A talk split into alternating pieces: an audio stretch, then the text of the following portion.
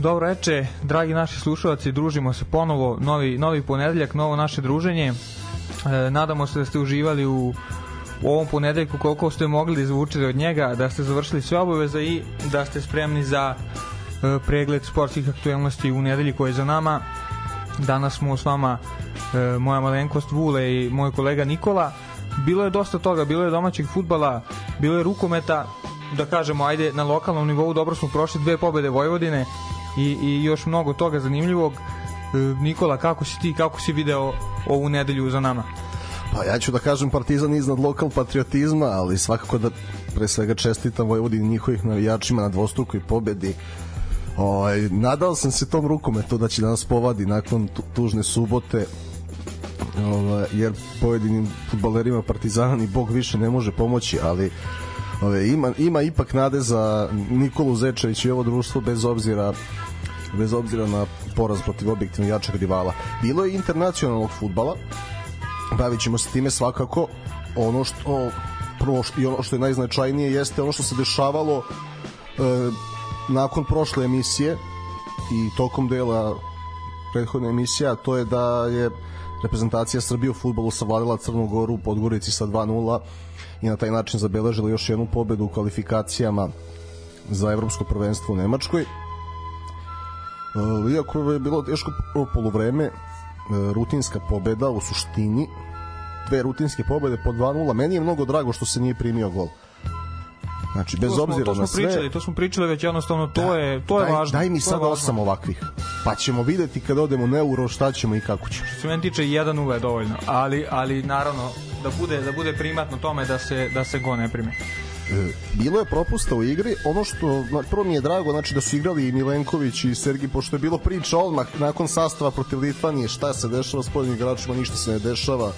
Ljudi imali tešku klubsku nedelju pre toga malo neki drugi igrači dobili šansu protiv Litvanije i eto svi su svi su na svom mestu bili već u Podgorici.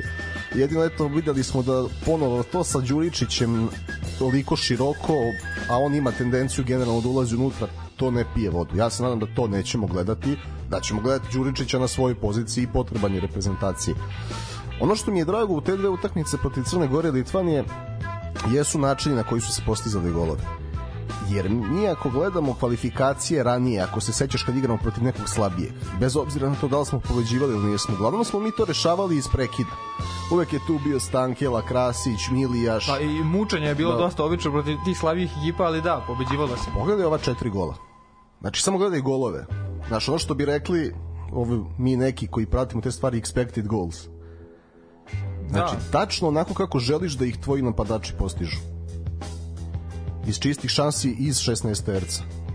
Igraće ponovo doći na nekim drugim delovima terena, ali ja sam zadovoljan što uradio ono što mora da se uradi. U junu idemo u Bugarsku, što će ovaj, Stanislava posebno da je zbog mog muzičkog ukusa. Vruće gostovanje. Ovaj, ja mogu da dodam sigurno da, pazi, Crna Gora nije nije sad ekipa koja treba da se boji, ali daleko od toga da je loša i da je da je svakako da je bolja od od nekih prijatnih generacija ove te selekcije da igraju bolje nego na primjer pre godinu, dve ili tri. Jednostavno pokazuju se sasvim odlično. Ja sam siguran da bi nekim e, neke prethodne generacije Crne Gore ova naša selekcija pobedila ubedljivije. Jednostavno, bez sad nekog pre, pretaranog taktiziranja ulazaka u neke priče, tako da ovaj protiv jedne sasvim solidne selekcije pobediti 2-0, ne primiti go sasvim solidno. Pa seti se koliko je Engleska umela da se muči dole Podgorici. Umela je da se muči i na Vembliju čak kad je svoje vremeno Mrva Jovanović kažu da se još treši prečka Mrva Jovanovića na Vembliju, ali ne, uradilo je stvarno, znaš, sad smo, znaš kako, i nismo došli na taj nivo, kad ti pobediš Portugal u Lisabonu, reprezentacije poput Crne Gore i Litvanije tebe drugačije gledaju. Pa se drugačije, za tebe se onda već pravi posebna priprema. E sad mi u okviru toga treba da napravimo naredni iskorak, a to je da budemo spremni na to i da takve situacije još lakše rešavamo, da bude još manje problema u igri. Tako da čestitke selektoru i igračima i radujemo se svakom narednom ciklusu. E, onda imamo reprezentaciju do 21 godine, Goran Plavi Stevanović e, više nije selektor iste. E, nismo dobro prošli ni u ovim prijateljskim susretima nekako malo i, i medijski čak kao da su ti momci ta generacija nova kao da je malo puštojan iz vode. Ja se nadam da će to do kvalifikacija da se sredi, da u septembru kad to započnemo ima tu mnogo, mnogo dobrih uh, momaka i pred kojima su velike karijere. Ja verujem da to može i mora mnogo bolje. Ali onako ne bih dužio o tome jer čekam nešto zvanično. E sad što se tiče reprezentacije 19 godina, to je nešto što mi je mnogo žao. Ne znam da li se isprati utakmice u Poljskoj. Iskreno ne, samo ovaj samo to sa Crnom Gorom, ajde to je bilo i davno, ali iskreno nisam nisam ovo sad stigao da rezultatski. Pa eto malo sam se pošto je naš jedan od naših prethodnih gostiju, član stručnog štaba, rekao je da tako nešto u životu nije doživeo. U kom smislu? Pa u smislu, znači da imaš tako tri utakmice u tako kratkom roku, tak, takav takmičarski naboj, pa onda specifično suđenje, pa okolnosti koje se šavaju da ti imaš igraš sunčano prvo polovreme, ti u polovremenu padne sneg. Pa počinješ 20 minuta kasnije. Utiče isto. Pa... Naravno, iako nema neke veze s futbolom, ima ima uticaja na igru, ima uticaja na igrače. Tako da eto zabeležena je uh, pobeda i pobeda porazi Remi, četiri boda. Kad gledaš kvalitet timova i kako smo igrali turnir Čele Vilotić protiv mnogo jačih reprezentacija očekivalo se 9 ili bar 7 i da odemo bez problema na prvenstvo, ali eto to je tako u omladinskom futbalu. Uh, eto, moj neki utisak je bio da, da, je, da su momci bili mnogo koncentrisaniji kad su igrali turnir Čele Vilotić bilo je mnogo manje bazičnih grešaka koje su, znaš kako ti, uh, ti greškama dovedeš sa igrača u problem da mora da pravi faul i onda sudija koji je namazan počne da deli kartone. Tako da smo dali smo sudiji previše povoda nekim gestikulacijama gde i nije morao da pokaže karton da ga pokaže. Onda još penali, jedan koji svakako nije bio povrede nekih igrača poput Kabića, ali ono što je recimo, što sam saznao da je vrlo interesantno e, način na koji su e, drugi timovi se raspitivaju našim igračima, no, druge reprezentacije, kao pa gde vam je, pa što ne igra. Dakle, naši momci su veoma poznati i već veoma etablirani. I to je dobro za neki naredni period. Ostaje žal što ne idemo na, na prvenstvo, jer generalno to prvenstvo od 19 godina tebi obezbeđuje plasmane na mundialito i zato je bitno biti redovan učesnik. No dobro, možda će generacija koja dolazi, koja je uspela da se prasira na prvenstvo do 17 godina vremenom uspeti da obezbedi novi mundialito. Moramo da čestitamo Aleksandru Lukoviću, e, domaći teren u Pazovi je overen, reprezentacija do 17 godina se plasirala na, na prvenstvo, čestitke i Areni Sport koja je odlučila to da prenosi kad je već imala priliku sa lica mesta.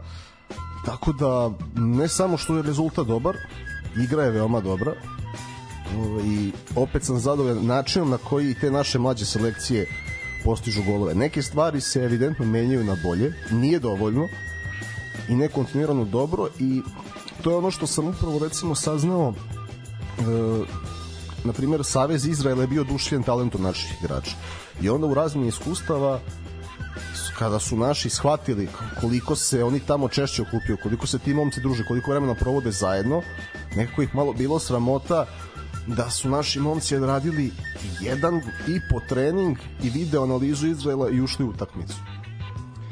Tako da je na Savezu u narednom periodu da drugačije organizuje malo prijateljske utakmice i okupljanje obladenskih selekcija kako bi momci koji igraju u različitim klubovima mogli da budu to, zajedno. To, to je jasan, jasan put ka uspehu ovaj, ne samo za mlađe selekcije, nabrao je sad ovaj 17, 19, 21, to je put kojim, kojim, koji je važna stavka svih, svih ekipa sportskih generalno. Znači druženje, atmosfera ekipa, hemija, tako da ovaj da svakako treba treba ovaj treba time da se bavi pa, savez. Evo sad ćemo na primjer e, ovo znaš kako ti kad pogledaš ovu e, reprezent, A reprezentaciju sadašnju koliko je tu igrača koji su bili na Novom Zelandu i u Litvaniji 2013 ali nije to, mogli su oni, bilo tu i penala, mogli su oni da ispunu na penale ranije, da ne osvoje turnire, ali što je poenta?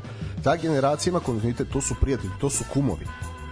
Znači, Naravno, znaju da. se, svi se znaju, dobar deo njih se znaju 10 godina i onda kad im na to pridodaš jednog Vlahovića, kojem ne treba mnogo i kad ih sačeka jedan Tadić, onda dobiješ dobar tim. Tako da, a može i bolji od toga. Tako da, eto, neki znači, polovični uspesi uh, u toku ove nedelje, a onda sledi ono što smo dve nedelje i čekali, a to je naša Mozart Bet Superliga Srbije. Ništa, pre, pre Mozart Bet Superlige, ovaj, kratko ćemo preći samo parove kupa, što isto treba da pomenemo.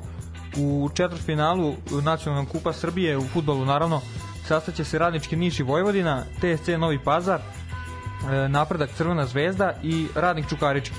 Te utakmice igraće se 3. maja, polufinale na programu 17. maja, a veliko finale e, po planu 3. juna sad ovaj kako kako ti vidiš ove utakmice šta misliš da li ovaj da li je Zvezda ajde nećemo reći apsolutni favorit ali da li Zvezda da li neko može može da ugrozi Zvezdu da da uzme kup pa znaš kako u teoriji može mm, video pazi evo mm, pa Zvezda je odigrala u Kruševcu 1-1 Mislim, svakako će sad priprema za Kruševac ići sa nešto većom dozom opreza, ali Naravno, da. ovaj, videli smo da je Gat dao gol na Maraka. I Zvezda ne briljira defanzivno. I ako, ako ne u četvrtom finalu, sigurno u polufinalu i u finalu će imati ko da je ugrozi. E, mislim da ćemo gledati znači koliko četiri utakmice četvrtog finala, dva polufinala i finala. Mislim da ćemo gledati sedam dobrih utakmica. To je evidentno, zato što su ovde slabije ekipe dobile domaćinstvo i onda imaju mnogo veću šansu da iznenade u četvrtfinalima, neko će možda i uspeti, a i da ako oni ne iznenade, polufinala će da grme, ako prođu favoriti. Da, da. Šta, šta možeš reći za TSC Novi Pazar? Isto, reklo bi se onako, interesantna će utakmica biti. Pa, TSC, u TSC u dobrom, u dobrom ritmu, dobro igraju, Novi Pazar isto. A, vidi, posle onoga što se desilo u Pazaru, ja ću navijeti za TSC u toj utakmici. Uh, ne, još sam pod utiskom time što se Kljaji desilo i ne mogu, ne mogu da dam podršku tim stvarima, ali uh, igrači TSC-a su na dobar način iskoristili reprezentativnu pauzu. Tako. Da, pa, mislim, to smo, jesmo to pomenjali, ne, to je bilo sad. Ne, ne, to je da, sada da, da. bilo, pa zato ti dajem ti Da, da. šlagvort. Tako da. ovaj, dobro, to, to si, ovaj, to si više ti ispratio, ali je li bilo je ona e, na putu, na putu su pomogli ovaj ljudima, je li? Ovaj, znaš kako, pazi, prvo čestitke momcima iz TSC-a koji su ne znam kako bi to to je pravi primer sportiste. Znaš ono, jer pazi, svako kada počne da trenira pa ga uče od petlića šta je sportista, kako se sportista ponaša, da su to e, zdravi, divni ljudi u zdravom telu, zdrav duh, e, igrači TSC-a su pokazali primjer. Znači ne znam, ja, ja, sam, ja sam zaista zaista oduševljen svime što su uradili. Ništa, pazi, ako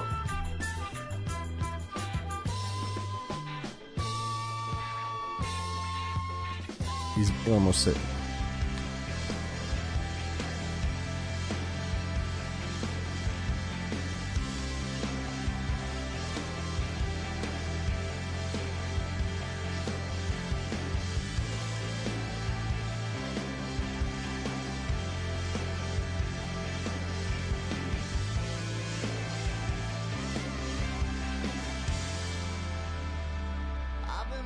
always looking down at all I see.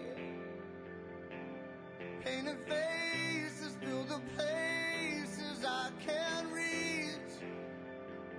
You know that I could use somebody. You know that I could use somebody.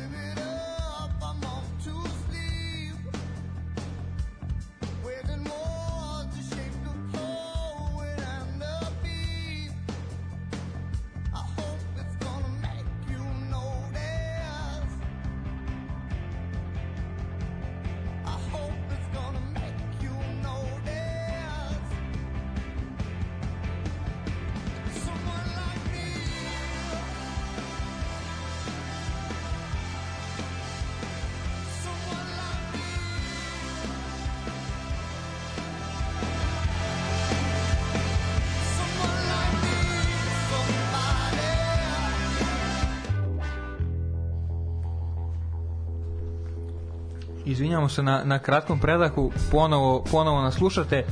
Ništa, ovo što smo htjeli za početak da kažemo, rekli smo, ništa. Ne, ne, moram sada da ponaglasim. Znači, Da. igrači TSC-a su pokazali da su pravi sportisti, ali to je, znaš, ako imaš neke manjkavosti žive emisije i kada ti Stanislav nije tu da, da te razumeš šta ti se stvarno dešava. Inače, saznao sam zašto je Stanislav zapravo otišao u Rusiju. Zato što se tamo budio tek u 9 da gleda trku Formule 1, ovde bi to morao da radi u 7 ujutru. Vremenska razlika. A, da, tako da je iskusno to odradio, pozdravljamo našeg dragog Stanislava i čekamo da se vrati. Naime, ovako, što se tiče TSC-a, u pitanju su bili, eto, kapiten, kapitenski Goran Antonić, Josip Čalušić, Nenad Filipović, Martin Mičevski i Ifet Đakovac. Oni su se vraćali sa treninga kada se u blizini Subotice od jačine vetra podigrao ob- oblak plašine od zemlje. I na osnovu toga kada su videli šta se dešava i sišli u kanal počeli su da zaustavljaju vozila pozvali hitnu pomoć, vatrogasce uh, vratili se do mesta nesreće ispitivali ljude da li su dobro i javili im da se ne brinu da će hitno uskoro da dođe. Tako da je kapiten Goran Antonić odradio i stvarno ovaj momke moramo da pozdravimo ovom prilikom kapa dole.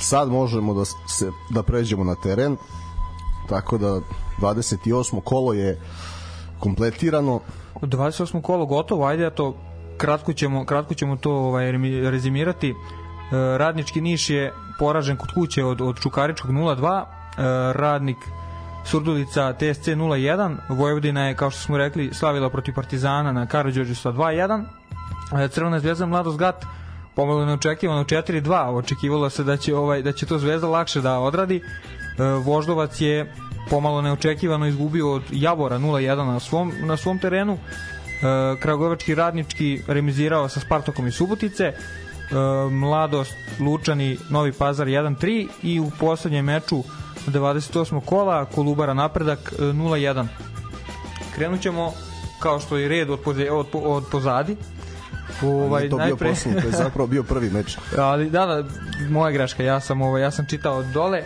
ništa krenućemo ovaj tog tog meča Kolubara napredak 0:1 prva utakmica koja je odigrana kao što si mi ispravio hvala na tome. Ništa e, Kolubara je onako igrala sa 4-4-2 ajde da kažemo nekim standardnim standardnom formacijom. Napredak 4-2-3-1 kako si ti video utakmicu? Mogu si da ispratiš? Pa vidi, ovo je ne znam koji put da Kolubara igra petkom. To je, moram, znači, mislim da je predsedniku Dragiši petak sad već dosadio. Mada su ranije imali više uspeha, dobro, mi smo komentarisali ovde da očekujemo previše golova na utakmici. Sada su i Kolubara i napredak u toj fazi da se malo više vodi računa odbrani. Ali napredak, eto, sa Perišićem na klupi, nakon što su izgubili od Zvezde, pobedili su na jednom neugodnom gostovanju za njih. Onako, nekako mi deluje da malo više sprovode ono što je Dule Đorđević hteo da sprovede. Znači da je malo golova i da budu efekti i iz tranzicije. Perišić to za sada nešto više polazi za rukom, a što se tiče Kolubara, iskreno ovo je za njih propuštena prilika da, da se bude mnogo bliže play-offu i samim tim i opstanku jer iskreno cilj je bio najavljivala se stiljivo Evropa, ali play-off je nekako bio cilj. Generalno po prikazanoj igri radnički Kragujevac je to više zaslužio. Ništa, videli smo, ajde, kao što si ti donekle rekao, ovaj, u prvom polovremenu 0-0, nismo videli mnogo šansi, u drugom polovremenu isto nije nije bilo mnogo nekih izglednih prilika. Znaš kako, Veroljub Dukanac igra na generalno na manje golova od Švabe Đurđevića. Znaš, i nema onog sistema sa tri pozadi koji je garantovao zabavu da li na jednoj ili na, na drugoj strani jer mm, nekako je zabavnije bila Kolubara jesenas dosta utakmica je bilo 4 plus 5 plus ali ne znači 4 plus iz izrađenih akcija ne iz grešaka protivnika ili defanzivaca Kolubara tako da mislim da treba da da porade na tome da idu na gol više i da zabave publiku koju u odnosu neke druge ekipe evidentno imaju Napredak je do, do gola došao sa bele tačke sa penala. E, udarac izveo Krstić, pogodio za, za taj 0-1 i postavio, ispostaviće se i konačan rezultat. To je drugi gol Krstića u toku ove sezone. E, napredak trenutno na 10. mesto na tabeli sa 30 bodova, Kolubara 9 sa 33 i dalje eto ispred njih i u toj nekoj klackalici ima ima kakvu takvu šansu da možda dođe do, do play-offa, ali kao što si rekao, igrom trenutno ne, možda, možda ne ova sezona. Možda ova sezona nije, nije ta. još, ali mm, ni za jednu ni za drugu ekipu ne treba brinuti u play-outu da će se desiti nešto da odu ovaj, u, da, da odu čak i u baraž, ja mislim. Tako da tu, tu dozu stabilnosti imaju kad je potrebno da izvuku ključnu pobedu. Tako da i onda nam je tog dana na- odigrana još jedna utakmica. Pro tako, znači mladost, mladost Lučani Novi Pazar. Tu smo očekivali, ovaj, mislim da smo sva trojica i ti Sreten i ja prognozirali dvojku i Nisam, ja sam, ja bio, sam bio, nisam, ja, ja sam rekao Kec, ja sam bio u Čika Mišu. aha, aha, aha. Au, da, da, da, da, da. Navijački sam bio u Čika Mišu, ali nije, nije dobro. Nije dobro, ove, momci, momci iz mladosti imaju želje, ali nekako ka, kada gledamo januarski prelazni rok, mladost iz Lučana je najmanja ambicija u istom i pokazala. Znaš, mislim, mislim da Čika Miša ima najteži posao da sačuva ekipu, iako tabela ne pokazuje tako nekako sa tim odlaskom Bojovića Silać je došao brzo, nije prošao pripreme sa ekipom, sada se oni traže ofanzivno, a sa druge strane problem je individualni kvalitet, što znaš kako oni e, čim malo, malo nisu kompaktni, evo vidiš kako imaju lako tri gola. Znači, baš ne smiju da dozvole sebi grešku do kraja sezone e, neku veliku da bi, da bi mogli da ostanu. Ni, nisam optimista kad je mladost u pitanju, ajde, manje ne više za ovu sezonu nego dugoročno da će biti legitiman član uh, Superlige i za 5 godina. Ni, nisam siguran u to. Jer ovo je ve- već druga sezona nekako da su da su ambicije niže. Ali ono što je sjajno uspeli su neku neku decu da etabliraju. Zbog toga mi, mi je bilo žao da ih da ih nema na mapi. Ništa, ajde da, da malo Što se tiče, i... da, što se tiče Novog pazara, već koji put ove sezone pravdi ulogu favorita. I sad se postavlja pitanje opet i što je menjan trener i što su zvali Feđu Dudića ako mu ne bi dali da, da radi u miru. Vidimo da njih da oni nemaju problem na terenu njih ništa ne remeti. Stabilna igra, veliki broj osvojenih duela takozvanih drugih ničih lopti što ono što ih krasi cele sezone i na taj način su su i došli do, do sigurnog playoff mesta i borbe za Evropu.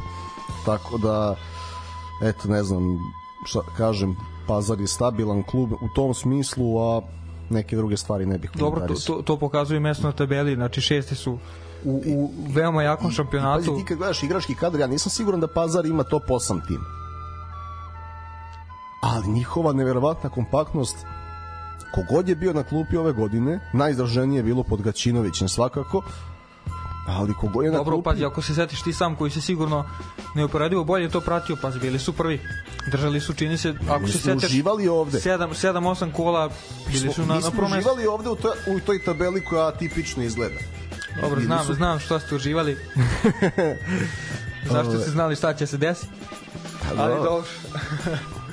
ovaj dobro, ako ako ovaj ako hoćeš ja ću sad na kratko samo da rekapituliramo malo ovu utakmicu. E, prvi gol viđen je u 27. minutu. Pogodak je postigao e, Mić za Novi Pazar. Neko minuta kasnije stigao odgovor mladosti. Ajde, možda možda malo i neočekivano, ali mladost je brzo ovaj brzo izjednačila preko Žunića i tako je završeno prvo vreme sa 1-1. U nastavku susreta odmah smo mogli vidjeti gol u 48. minutu za Novi Pazar, postigao ga je e, Bogdanovski i tačku na ovaj meč stavio je Majdevac u 72. minutu i tako doneo nove bodove, nove bodove Novom Pazaru. Pazar je, kao što sam već rekao, trenutno šesti na tabeli, 47 osnovnih bodova. Mladost, kao što si ti sam rekao, borit će se opasno za e, opstanak tu 14. su na tabeli sa samo jednim sa samo 21 osvojenim bodom. Ono što je isto interesantno za tu utakmicu da kažemo da je e, glavni sudija susreta Lazar Lukić odlučio da prekine utakmicu na nekoliko trenutaka. Razlog nismo odmah dobili, ali kasnije je pojašnjeno preko zvaničnog naloga kluba iz Novog Pazara. Dakle, po preporuci UEFA sudija e, može da prekine utakmicu u vreme iftara kako bi igrači koji postoje prekinuli ramazanski post i naravno naš arbitar je to, ajde tako, da tako kažemo, dobro je postupio, prekinuo utakmicu kako bi igrači koji poste e, prekinuli post i tako, to, to, je, to je obrazloženje ovaj, iz kluba. za one koji ne znaju, ajde da, da ukratko samo ovaj, formulišemo, iftar je večernji obrok tokom Ramazana, odnosno obrok koji se uzima u prvi sumrak e, neposredno nakon zalaska sunca. Sad ovo nije nije fudbalska tema, ali svakako vredno pomena i, i A vredno, vredno poštovanje da neko misli o naravno, tome. naravno. Znaš, mene je pre neku godinu Jurgen Klopp oduševio 2019. ono kad, kad je bila borba za bod za City. Pr, prva borba sa City za bod. I svi pričaju o toj tenziji i on dođe na konferenciju priča o tome da je njemu važno da da poštuje običaje Salaha i Manea, da su oni Da. velika porodica, da mu uopšte nije najvažnije da li će on biti prvak, nego da vodi računa o svojim igračima. Tako da, Klasa. pozdravljamo, pozdravljamo uh, bez Lazara Lukića i nek se ta tradicija u budući i nastavi. Ništa, Šta, idemo na subotno Naredna- sportsko popodne. naredno, naredno kolo, ovaj, kao što si rekao, eto, 1. aprila... Naredni meč, ma. pardon, e, prvo, prva utakmica u subotu, u dva sata sastali su se Kragujevački radnički Spartak i Subotice, 2-2 ovaj, na kraju utakmice u prvom poluvremenu kao ajde da napravimo neku paralelu sa ovom utakmicom Kolubara napredak nije bilo mnogo šansi, nije bilo mnogo nekih dobrih prilika za gol, eto svega neka dva tri šuta ka golu, ka golu ovaj su protivnici upućivali. E, kako ti vidiš utakmicu? Ajde na kraju u drugom poluvremenu četiri gola, nerešen rezultat, da li, da li je po tebi ovo, ajde da kažemo, fair podela bodova? Pazi, s obzirom na prikazanu igru jeste, mislim, jedni i drugi su iskoristili šanse koje su imali. Znači, pazi, bilo je, gledao sam kvalitetnih utak, dosta kvalitetnih utakmica ove godine, a da su završeni sa manje golova. Ova praktično je ušlo u sve što je sve što je šutnuto. Tako da, ali dobro, golovi su ono što donosi zabavu u futbalu. Nisam, nisam ih očekivao baš toliko. Eto, posebno kako se, se meč odvijao, ali za one koji kažu kako se na našim terenima loše Nismo, igra. nismo nekad imali nema. puno prilike da pričamo o tome, znači ti si više za to, znači da više voliš da uživaš u golovima, u nekim dobrim napadima nego, nego dobroj odbrani. Uvek. Pazi, sad nisi, nisi bio tu, uvek sam hvalio of, ofazivnu filozofiju zato što ne, ne po svaku cenu ofazivnu, nego želju da se uvek razmišlja o tome kako ćemo da postignemo gol. Sad nekad moramo da budemo preagresivni, nekad moramo jel, da igramo nešto pliće, ali u suštini gol je suština futbala. I uvek onog ko ide težim putem i pokušava da izgradi takav sistem igre koji zahteva mnogo više vremena, sam spreman da podržim i da pozdravim ako to dugoročno ima smisla. Tako da gol je gol. Kaži mi eto, kako vidiš poziciju Spartaka na tabeli 13. su e, imaju 25 bodova, tu je mladost, 4 boda manje. Da li, da li možda ima ovaj ima nekih šansi da, da mladost, eto radnik ili možda i mladost gat ugroze, ugroze Spartak i možda i njih uvedu u tu opasnu zonu. A ne, za Spart, Spartak je daleko od sigurnog, posebno što njihova cela sezona deluje nekako bledo sa bljeskom koji ih dovede do toga da, da nisu ugroženi. Ali nekako kod njih je sve mirno, tiho, kao da taj klub ne postoji u tom gradu, što je malo i boli. I mm, ne vidim ih, iskreno i da budu u baražu, vidim ih da dobijaju baraž i da ostaju u ligi ali je više uzbuđenja ranije bilo oko Spartaka. Kako A s obzirom, oni su, da. oni su neko ko je ove sezone podbacio. Ja verujem da je taj igrački kadar bolji i svakako iznad 13. mesta. I vidjet ćemo, oni su sad, znači, Ljubiš Nudjerski je baš pokušavao da igra futbal i ovi igrači generalno znaju da igraju futbol. Spartak. Sad opet, možda ta energija i direktnost Milanovića je pravi put do kraja sezone. Dugoročno ne znam, to ćemo, to ćemo da vidimo, nije se on previše zadržavao u klubovima o kojima je radio, ali mi, mislim da bi Ljubiša Nudjerski sproveo to iako je otišao sam. On misli da ne bi, ali okej, to je poštenije, ali isto nisam video razlog za za tu promenu na klupi. E, oni su pokazali neku energiju sada, reagovali su dobro na promenu trenera u smislu više oduzetih čistih lopti i duela. Ali to je sad kolo 2 će biti tako. Vidjet ćemo već treću utakmicu da li će to da se da se zadrži. Teo sam reći ovaj na početku sezone, ajde naravno to je to je ovaj boljka da tako kažem, ajde svih naših klubova da na početku sezone velike su ambicije, ja mislim da nema ekipe u, prva tri ranga koja nije najavljivala neki ono borbu za top 3 i slično, ali ako se dobro sećam Spartak isto, Spartak isto najavljivao sezonu koja bi možda mogla eto da se izbori neka Evropa, neko to četvrto, peto mesto. Očigledno je da nisu uspeli u tome, ali očigledno da nisu bili lošu sezonu. Ne može se nazvati lošom sezonom kada su opet u nekoj borbi i nisu nisu pretarano nisu podbacili da tako kažem jednostavno imali su A nije, ne, imali su težinu ne, druge ekipe su bile dobre oni nisu se možda najbolje snašli ali svakako da Pa jesu- nemaju što da žale Jesu podbacili, ali znaš u kom smislu? U smislu što sam, ako gledamo svih 16 ekipa, uh, Spartak je uz eto parti, Partizan koji je u poslednje vreme naglo pao, ali nije imao tako lošu jesen. Samo sam, znači još znači Spartak, od Spartaka i Partizana vidim, sam viđao tu dozu apatije neke, onako ide utakmica i samo čekaš da se završi ne vidiš odgovor. Imaš ti, kad loše igraš, kad gubiš, ali daš neki odgovor, pokažeš da si živ. Kod Spartaka je bilo dosta bledih utakmica, ali eto, za njih nimalo, onda bljesnu, znaš, pobede, ali oni ređe igraju nerešeno. Oni tako vežu tri poraza, onda pobede, a neko možda igra Da, ne nešto bolje, neko možda igra bolje, pa uzme u tri kola dva boda, uz promašene šanse, Spartak je izgubi tri utakmice, gledal posle uzme tri boda i tako nadomesti. da da da. I eto, vidjet ćemo kako će da reaguju da, da stadion moraju da srede, moraju. Ali, kažem ti, mislim da njih ovaj, Ljubiš Ruđerski je hteo nešto više poseda, sad očekujem direktniji futbal, očekujem ipak opstanak i treba im, treba im, oni su navikli ipak, eh, za razliku od drugih klubova, navikli su oni da žive od prodaje igrača i uspevali da realizuju za njih dobre transfere. Oni moraju da vide šta će sa Bjelovićem, šta će sa Srećkovićem. Njima je njihov učinak neophodan do kraja sezone da bi sledeće preživeli. To je to.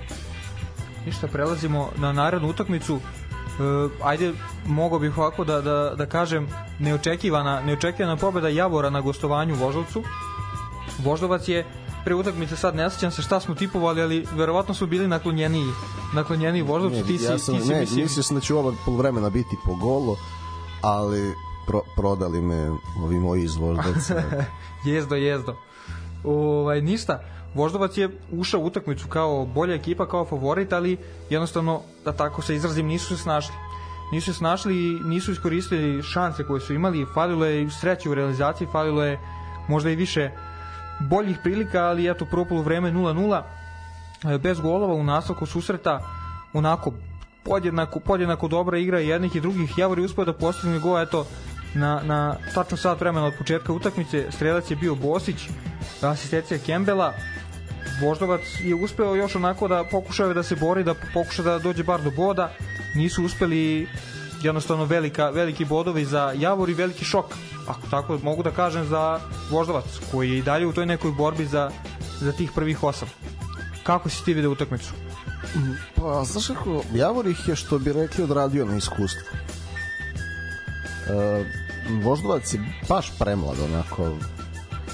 A opet, e, znaš, ti kad imaš toliki broj mladih igrača, oni moraju da budu e, top talenti i top produkti da bi mogli da funkcionišu zajedno. Voždovac je klub za koji su oscilacije neminovne.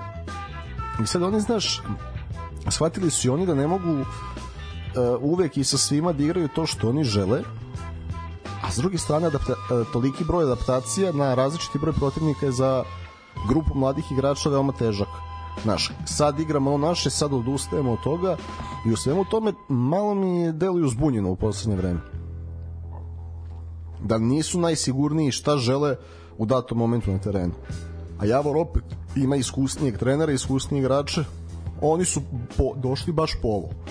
Da polovreme bude nula i kad se Voždovac nešto više otvori da ih u drugom, što bi rekli, sačekaju Da. i završi posao. Campbell je asistencije generalno u solidnoj formi. Čuva Javor.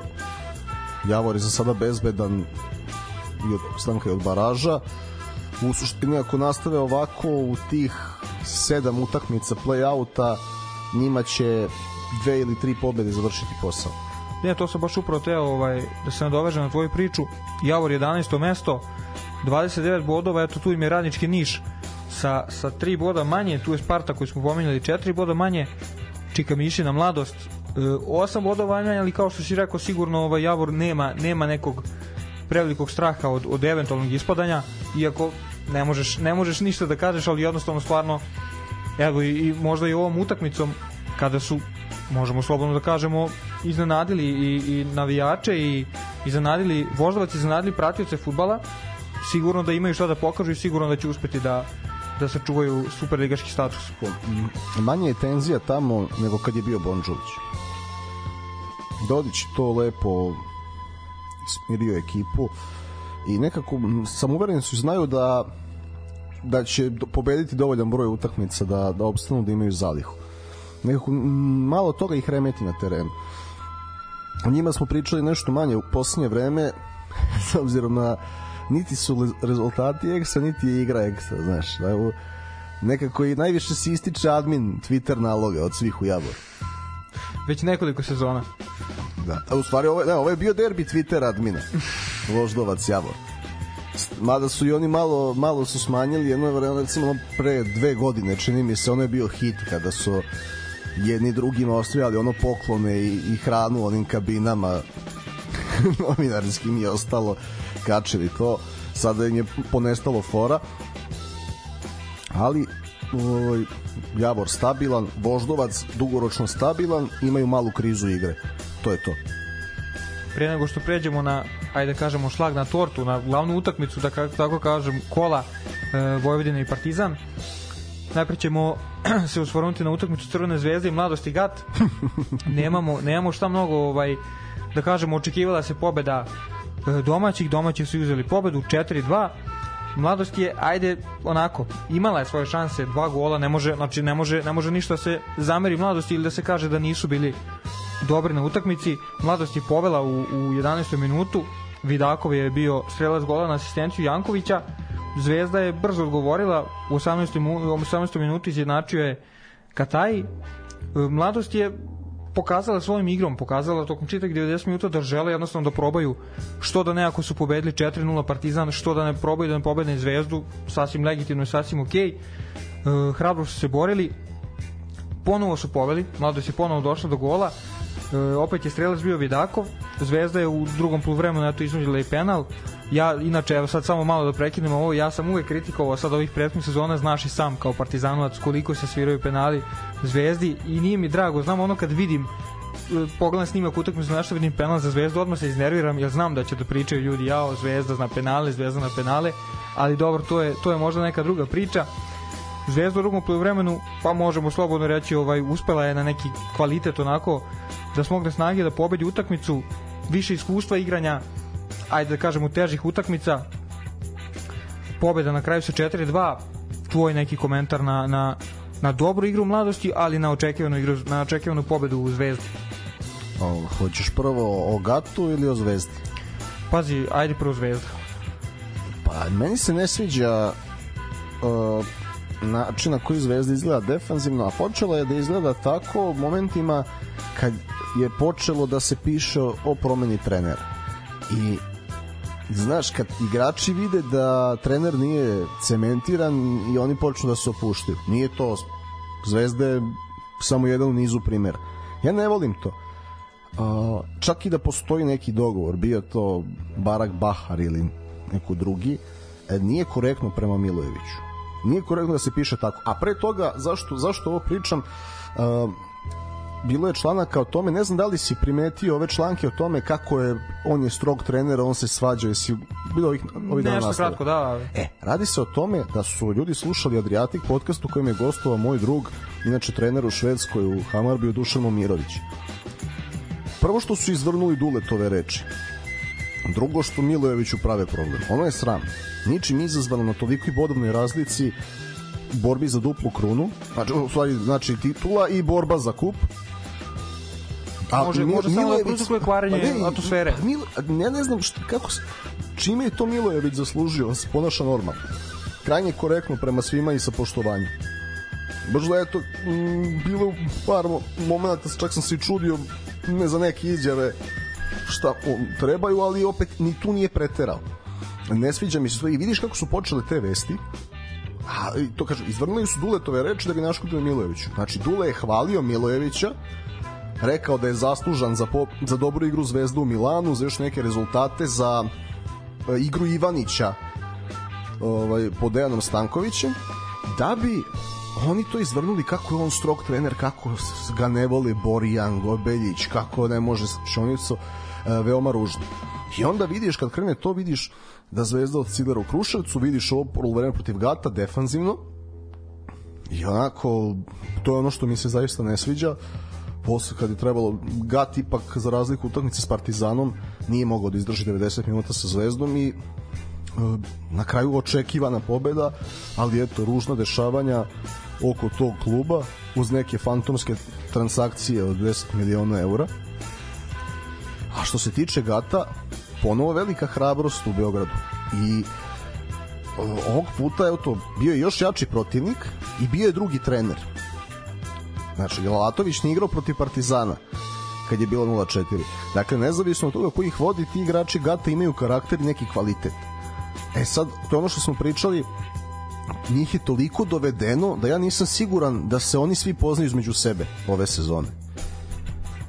Znaš, ja mislim da je to klub, sad kad bih izvodili statistiku, a izvešćemo neke statistike za kraj sezone koje budemo pravili rezime, da je to klub sa najviše različitih sastava u ovih 28 kola. I naj, naj, najviše promena trenera, najviše promena futbalera. I, zbog to, I samo zbog toga su oni tu gde su trenutno. Oni mogu, kao što vidimo, mnogo bolje da igraju. Odlično prvo polovreme, početak drugog koliko se moglo, uh, stvarno pohvala za Vidakova, njemu golovi znači neke šanse i on onako uh, kad, nije, kad mu je fajlo samopouzdanje kontinuiteta bez veze promašio, sad je pokazao koliko je bitan.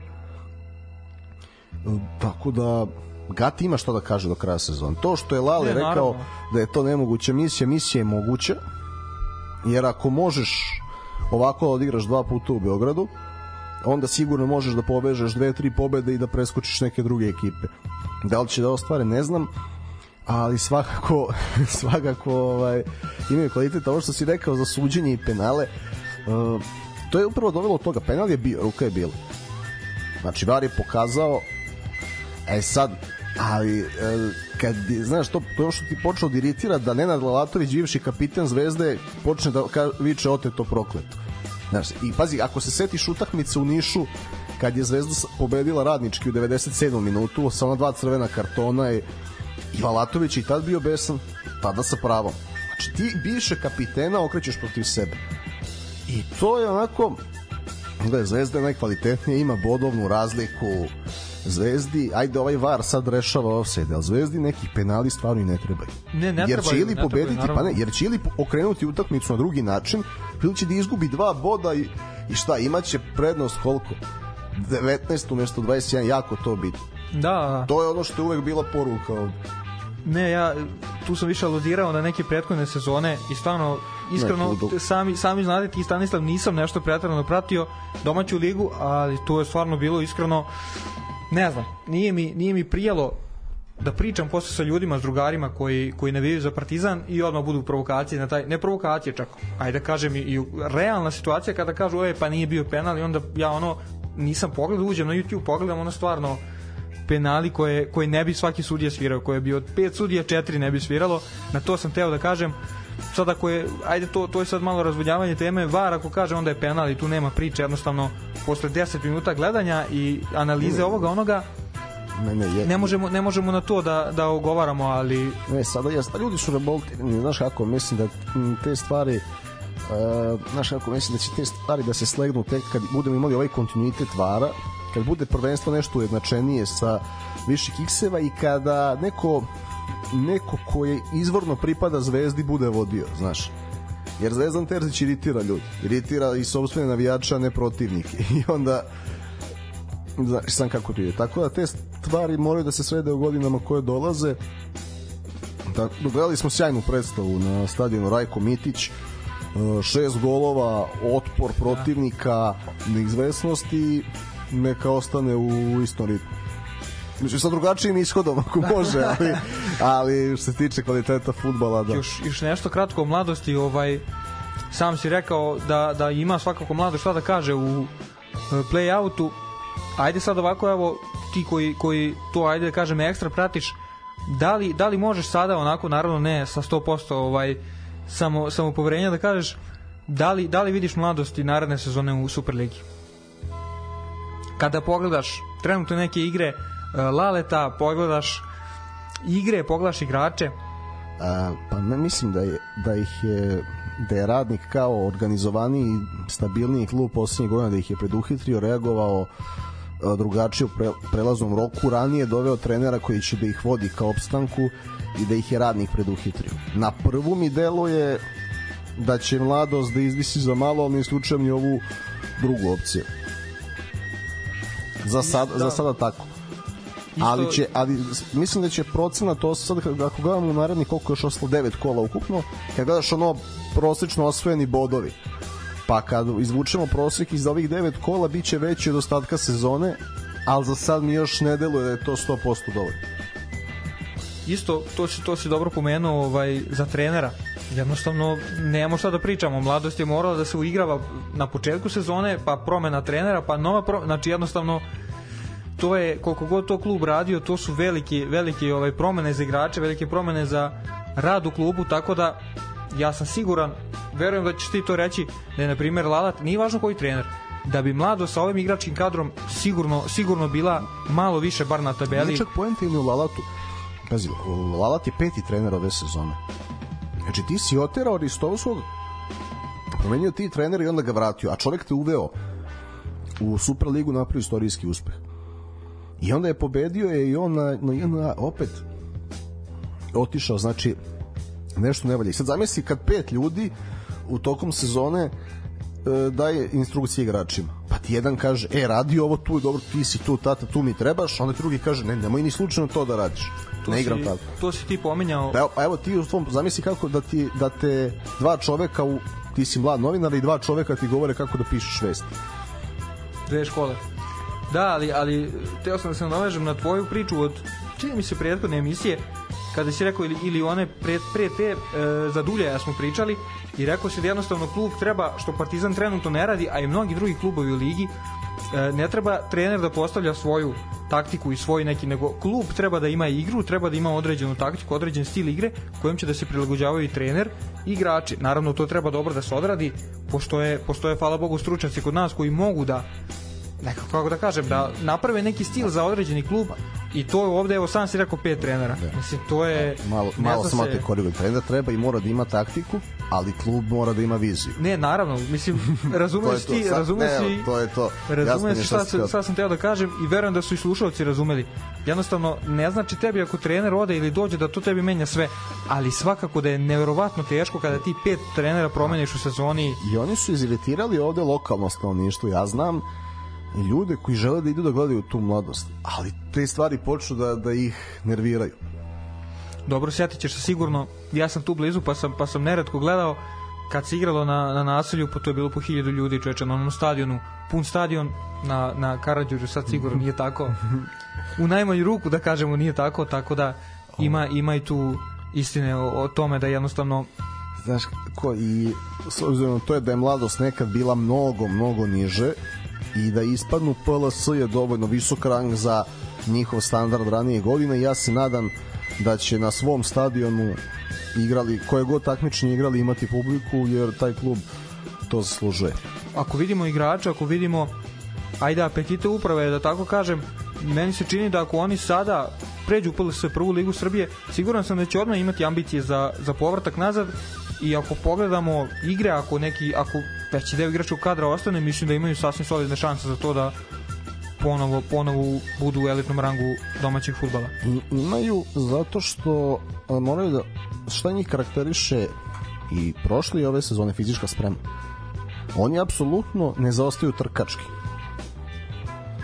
oni su imali zbog tih promjena trenera nisu imali jasnu koncepciju napada i generalno um, malo su slični neki profili igrača fali im raznovrsnosti u poslednjoj trećini terena E to je ono što oni treba da reše preko leta koje god takmičenje igrali. E onda su klub. Onda mogu mogu da nastave da, da napreduju, znaš. I recimo sad su, sad su izašli sve domaći igrači, iako su dovedeni i kvalitetni stranci kojih opet nije bilo u prvoj postavi. Sada, znaš, baš se, baš se luta. Ali karaktera i fizičke spreme ima. I hrabrosti. Svakako. Definitivno. Svakako. Nastavljamo dalje. Ajde opet, ako, ako možemo da kažemo da, da ste ti kao navijač Partizana tužan zbog pobede Zvezde i još nad Novosadskim klubom, tek si onda tužan nakon poraza ovaj Partizana na Karadžođu od Vojvodine. Vojvodina je savladala Partizan u derbiju kola sa 2-1. Kako si isprati utakmicu? Vidi ovako. Sad je 2023. godina. Da zapišemo ove reči ili? pa, ovaj, Da za, mislim, mislim da će neki slušalci navijači Partizana ovo zapamati. Sad je 2023. godina. Ja sam bio 2013. uživo na stadionu igralo se Vojvodina Partizan i pri rezultatu 1-1 Marko Živković je pogrešio, Vojvodina je postigla gol za 2-1. 2023. godine ja, ali on je tada imao ajde 19 godina. 2023. godine ja gledam kako i dalje fizički nedorastao Marko Živković sa 29 godina pravi grešku poklanja lopti Vojvodina postiže gol za 2-1. Čak i rezultat bio isti. Proročanstvo. I pa ne, zašto alud, aludiram na to što je prethodni trener e, ne prethodni trener nego trener iz prošle sezone to naša deca pa naša deca tako za naša deca pa naša deca pa samo da su daj mi s- samo da je igrač prošao omladinsku školu Partizana evo vidimo tu školu na primeru Marka Živkovića i Danila Pantića bez obzira to što je Dača postigao lep gol i to što je umeo u mlađim kategorijama da prebaci živi zid ga i probilo u seniore i bio je zanimljiv tada raznim klubovima sa 18 godina i pri, za kraju krajeva završio u Chelsea. Ali i Marko Živković i Danilo Pantić ne deluju fizički gotovo ništa bolje od Janka Evremovića i Sameda Baždara. Znači ti kad gledaš vizualno onako iz daljine utakmicu, možda bi pomislio eto da Marko nema bradicu i da nije dobio nešto mase što čovek dobija prirodno s godinama, ti bi rekao da su i oni omladinci. A s druge strane ovo najplaćenije počevo od Natha ni- uopšte ne zainteresovano za utakmicu. I Duljaju je izuzetno teško.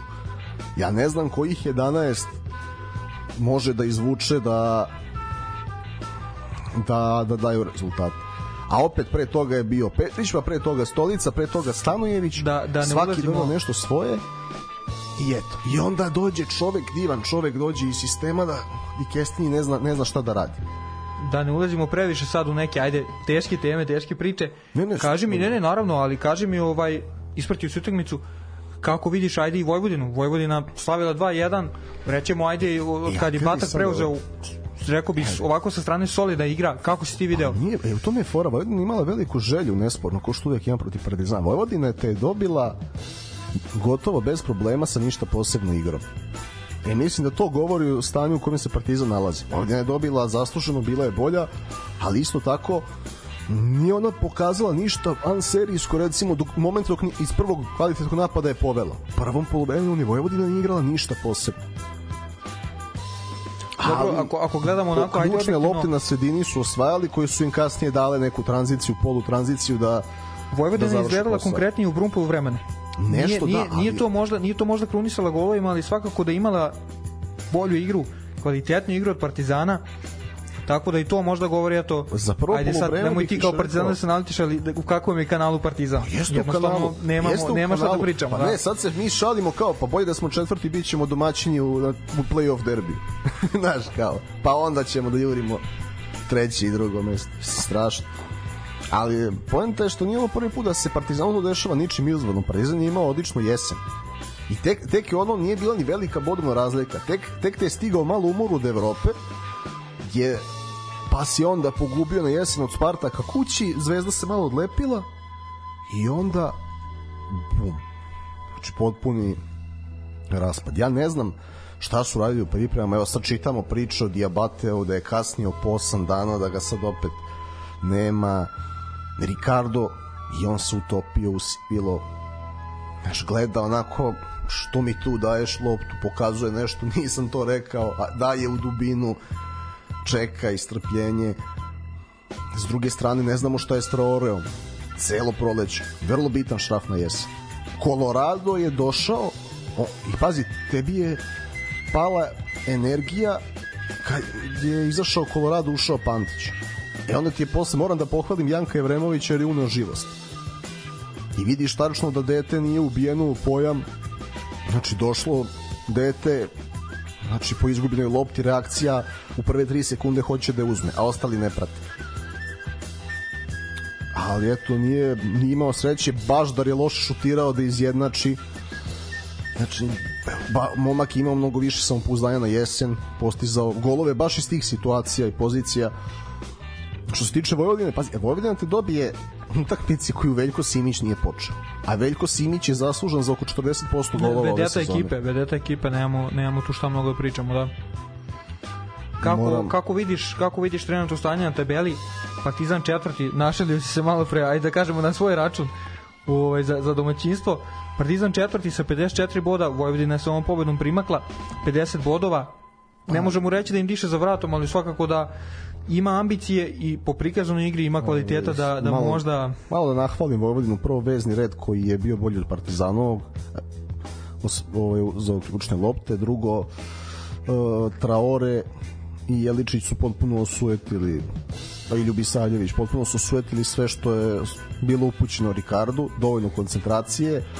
Lazarević je pouzdan i na levom beku kao što i na desnom i eto dugoročno rešenje i Džokir u sastavu Vojvodine kogod, kogod bio trener E, moram da pohvalim gol Takija Nikolića zato što prvo što mu je leva noga slabija, drugo što iz okreta uvek teško šutirati, stvarno onako ono je bio van Persijevski gol. Ono je baš onako za špice da, da gledaš i da uživaš kako devetka treba da se ponaša u, u šansi. Pri čemu to realizacija nije njegova primarna karakteristika, nego on je špic koji je elitni asistent. A sad je pokazao i kakav strelac može da bude. A, što se tiče stanja tabeli, e, igrači Partizana malo da se podsjete da umeju da igraju futbal. Ja treba da igraju Šukarički još dva puta i s TSC-om i Vojvodinom po jednom. I ako tu odnesu većinu pobeda, bez obzira na sve, oni će biti drugi bez problema. Neće ni ove ekipe, nisu to ekipe koje će kao zvezda pobede sve utakmice. Ali ja mislim da čak nije više bitno za Partizan na kojoj će poziciji da završi, nego sve ukupna organizacija i ambijent oko kluba. Znaš, ok, da za, završit ćemo drugi i šta, Ka, kako radimo prelazni rok, jel puštamo Dulja da radi, jel ga ne puštamo, jel dovodimo novog trenera, koje igrače dovodimo, jel opet vraćamo neke rekovalescente poput Danila Pantića ili ćemo da pustimo neku decu poput Jevremović Ilić ili ćemo opet da tražimo strance tu niko ne zna šta će sutra da radi, a ne tokom leta. I to je problem tog kluba. A ne to da li ćeš, ako ti imaš neki plan, izvadit ćeš se ti sa četvrtog, petog, šestog mesta. Ali moraš da pokažeš da si klub. Ovo je onako jedna, jedna olupina treba. Znači, Ne. Gordon Petrić je se zavarao jesena što je zaustavio krizu, smirio ekipu, ovaj, opustio. On nije, čovjek nije trener, nije se bavio time, on je iz ljubavi prema klubu dao sve od sebe, da ugasi požar, podsjetio ih je da oni imaju talenta, oni su dva put pobedili Keln, evo vidimo koliko je taj Keln on igra utakmica 0-0, evo Keln je opet odigrao 0-0 sad. I Znači, pa nije, ti si ovde dao dva, Kelnu, dao dva gola, mogo si još dva. Dao si im tamo jedan, promašio si šanse gde smo se svi, navijači Zvezda su se hvatali za glavu da li je moguće da, da je Andrade ono promašio. I govorili, zaslužili ste pobedu. Znači, nije to, znaju ti igrači da igraju. Ali njima je valjda, evo, taj Diabate bio, kad je došao, ti vidiš, znači, on je ušao u Novom pazaru, mi smo imali igrača manje i gubili 1-0. I ti do kraja utakmice mi nismo dali gol, nisi osjećao da igramo s igrače manje koliko je on terena pokrivao kao krilo. Igrajući odbranu i onda uzme loptu pa veže jednu dvojicu na sebe i iznudi faul, karton. Nešto, on dečko ne postoji. Znači, kako, kako ta energija pada, to, to je neobjašnjivo. A pa, delovalo je da, je- da je 100% profesionalac. Znači, sveukupni ambijent je užas. Eto, to je... obradili smo obradili smo ova ova dva ovaj Ali ne, žao mi je, sad sam više o Partizanu nego o pobedniku. Da, ali kažem, ja, Vojvodina je zabeležila veoma važnu pobedu, ali pazi, sam, nije- evo, veruj mi da Vojvodina može da igra bolje od ovoga. I ako bude igrala bolje, ne mora da razmišlja o pazaru, nego da li će da uzme koju poziciju više. I ja svakako ne vidim Vojvodinu ispod petog mesta, može samo da bude neizvesno, ali verujem i kad bude trebalo da će da pobede i pazaru međusobnom da, da obezbede tu Evropu. da, da budu u pet. Prošli smo ova, ova dva, ovaj, da kažemo, naj, najzanimljivija meča. Izvini, Kaži. što još uslikava uh, ambijent oko kluba, izjave trenera, Dulji ne zna ni šta da kaže, a opet imaš Bataka koji je srećan kao hvala predsedniku kluba, ljudima, navijačima, svima koji nas podržavaju da se mi podignemo. Ja mislim da, znači, Dulja je onako, čovjek je usamljen, potpuno usamljen. Eto, to je za kraj toliko. na prelazimo sada na ajde na pretposlednju utakmicu 28. kola e, sastali su se e, Radnik i TSC u Surdulici kao što smo očekivali e, TSC je slavio ajde eto minimalnim rezultatom ali opet slavili su imali su imali su ovaj neku bojazan pred početak meča i ispostaće se sa razlogom Radnik je prikazao dobru igru gledali smo lep futbal otvorenu igru bez puno nekog kalkulisanja dosta trčanja duela bilo je prilika i za radnik i za TSC, jednostavno nije nije TSC dobio ovu, ovu utakmicu tako lako. E, preko penala su došli do, do pobede. TSC ovim triumfom, se ovim triumfom učvrstio na toj drugoj poziciji i ima, ima i dalje izgledne šanse da, da nju sačuva. Naravno neće, neće zavisiti samo od njihove igre, zavisit će od igre Partizana i ostalih konkurenata, ali eto, s druge strane radnik i dalje u, u zoni ispadanja, ali pokazali su verovatno i na ovom meču. Možeš ti to možda bolje da prokomentarišeš da imaju da imaju čemu da se nadaju. Pominjaju se to malo u tom nekom e, poređenju sa, sa mladošću. Odigrali su lep meč i, i mogli su mogli su možda i do boda a možda i do čak sva tri Znaš kako, ja sam pričao dosta o radniku ove sezone, zato što sam sarađivao s njim, onda sam znao neke stvari iznutra i cela uh, pol, jesenja polusezona meni nije bila jasna. Da je to baš toliko loše, da je to jednocifren broj bodova toliko dugo i slično. I ja sam znao da radnik može, i onaj radnik jesenji može bolje, a kamoli ovaj pojačani. Pazi, Slavljub Đorđević kad je odlazio odande nije se baš najlepše rastao. Onako bilo je nekih prepotentnih izjava da je on tu sredinu prevazišao. Onda je u Novom Sadu video koliko je teško raditi na višem nivou. Spustio se na zemlju, vratio Surdulicu i u ambijent koji mu očigledno prija sa delom ljudi koje odlično poznaje, s kojima je već radio i to daje rezultate. Radnik je bio bolji do penala. Znači bolji, čvršći, konkretniji. Veljko Ilić je bio ponovo fenomenalan na golu. Mislim, stvarno, reprezentacija Srbije dugoročno ne mora da brine za golman. Jer, pazi, ti prvo odavno nisi imao ovo što sad imaš u prvom timu, a imaš opet i Đorđa i Petrovića i Veljka Ilića i još neke momke u mladincima i kadetima koji nadolaze. Tako da, radnik radnik može da bude apsolutno nezadovoljan. Mislim da prikaznom igrom nije zaslužio da izgubi ali s druge strane ne mora da brine jer sa igrom koju su prikazali protiv TSC-a oni ostaju bez problema. Znači bit će dovoljno da o, igraju u najgorem slučaju baraž a u baražu savno sa ovom ekipom kogod bio ne znam treći četvrti u PLS-u mislim da su da su kvalitetniji. TSC-u svakako pohvala što su naučili da se adaptiraju da i po nešto lošijem terenu i na neki drugi način dolaze do bodova.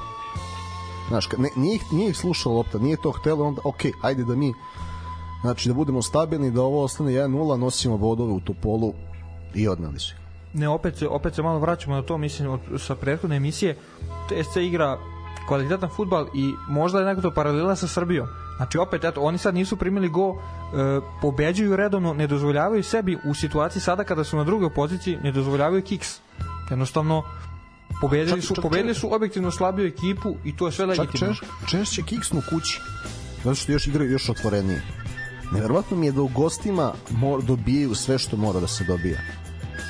nema kiksa jednostavno da Za njih, znaš, i, i imaju taj dobar mentalitet, to je, to je onaj bundesaški mentalitet. Svejedno mi je da li igram kući ili u gostima. Da ne, nije važno to važna je pobeda važni su bodovi Ne, šta kao šta, teren, teren, tamo, teren ovam. Tako da, čestitki TSC-u na jednoj stabilnosti imaju sve što pomenuti Partizan, a donekle i Vojvodina nemaju. Da, pazi, kad napravimo kratak osvrt na tabelu, TSC, ajde, e, drugi posle Zvezde, 58 osnovnih bodova, tu im je Čukarički sa 56 e, preti i sigurno da će tu biti zanimljiva borba do kraja. Naravno, ne smemo u kakvom god, e, ovaj, u kakvoj god teškoj situaciji da bude Partizan. Partizan je veliki klub i naravno da ovaj sa 54 osnovne boda imaju šansu da do kraja sezone a i u play-inu osvoje, osvoje još bodova, tako da nema, nema ne može tu u TSC-u ova dobra igra ne može da garantuje to drugo mesto ne može nikome. Tako da Sa, sa ovim play-in vidi se da ti je košarka omijeni sport. Dobro, posvetit ćemo jednu emisiju NBA-u. Ja se nadam. A do tada m, nema šta, e, znaš šta je samo primetno bilo, pošto Ratkov nije počeo utakmicu. Šta je recimo razlika između TSC-a i Čukaričkog? E, Čukarički ipak ima još dužu klupu i bolje raspoređene golove u ekipi. TSC se b, mnogo više mučio bez Ratkova nego što se Čukarički muči a da, nije bilo ni Đakovca, to, njemu to je vrlo važno. TSC se više muči bez nosilaca nego Čuka. Ali TSC zato bolje radi neke, neke druge stvari u smislu sistema igre. Tako da će, eto, u slučaju jedne, dve povrede nekog izostanka, Čukarički u manjem problemu, a kompletan TSC je svakako favorit da završi ispred njih. Iskreno jedva čekam njihovu međusobnu utakmicu u play-off. dobro i sigurno, sigurno ćemo gledati ekstra futbol. Ne, to će biti Pogledamo, jedan od da. mečeva sezone ove lige, onako kruna jedne kvalitetne sezone jednih i drugih. Tako da prešao bih ja dalje u Niš. Ništa, prelazimo na prelazimo kao što si sam rekao Niš e, poslednja utakmica 28. kola domaćeg domaćeg e, najelitnijeg ranga. Nema šta, Radnički je poražen od Čukaričkog 0-2 bez nekog sad duženja priče, jednostavno očekivan rezultat Čukarički lep futbal samim tim što smo sad rekli da su na, na trećoj poziciji na tabeli da imaju ambicije da možda budu i drugi da, da ostanu u tih, ajde kažemo prve četiri ekipe, top 4 Čukarički je odigrao dobru utakmicu, srušio tradiciju da tako kažemo i ajde pobedio, konačno pobedio na, na Čajru e, Radnički e, Brđani su bili ajde ako gledamo mnogo bolja ekipa nema, nema, nema mnogo priče jednostavno bili su bolji, bili su konkretnija ekipa uspeli su sada tom pobedom da, da preskoči Partizan na tabeli bore se ostaju u toj borbi za to treće mesto golove su postekli istina iz penala ova gola dva puta Dostić najpre u 21. a zatim i u 45. minutu ali ako stavimo na stranu postizanje golova e, sa, sa bele tačke zaslužena pobeda Čukaričkog bez, bez ikakve ovaj dodatne priče E, a vidi sad ovo, kad gledaš prvo polovremena i početak utakmice i TSC i Čuka su bili zreli za kiks. Radnički je krenuo dovoljno energično. Međutim, njihova sezona je takva da njih jedna greška i jedan primljen gol mnogo remete. Oni nisu ušli loš u meč, ali taj prvi penal je njih odsekao, zaključao. A opet se i tu vraćamo isto tako treći trener u radničkom. Um, šta bih još kažem ti? Oni će ostati prisutna je želja ti vidiš da, ti vidiš da su oni nešto novo ispremali u smislu napada po boku i to. Pa vidiš kako prilaze prekidu. Nešto igraju ali je malo vremena i nije razrađeno i sada oni, e, znaš, a Čukarički takvu sezonu ima da i najmanji propust kažnjava. ne naravno i to što si rekao isto duža Ra- klupa isto isto pomaže Ta, naravno, ali jer ne, nego, uh, hoću kažem, radnički nije na tom nivou da može da skida skalpove trenutno. Oni sad treba da se fokusiraju da dobiju ono što je realno da dobiju, posebno u Nišu. Da bi bili eto, u, u top 12 i da ovu lošu sezonu okončaju pa da vide šta će u tom klubu da radi. Tako da uz, uz eto, Partizan koji je na proleću propastio sezonu i pa ne, najveće razočaranje znači Partizan radnički pa onda imaš ovaj već više su mogli da pokažu recimo Spartak i Vojvodina i Radnik Ne, tu, će, Ali- tu će biti velika borba, dakle, evo, Radnički Niš 12. Spartak 13. Samo bod razlike, samo bod više ima Radnički, biće, biće i tu velika borba. A ne, ja bih dao prednost radničkom tu da će na kraju da se spaso ali e, za jedan, za jedan takav klub i grad je šteta da, je organi, da organizacija ne prati tradiciju i veličinu. Tako da, eto, to je to vrlo jednostavno i konkretna utakmica. Što se tiče futbala, na taj način smo prešli ovo kolo.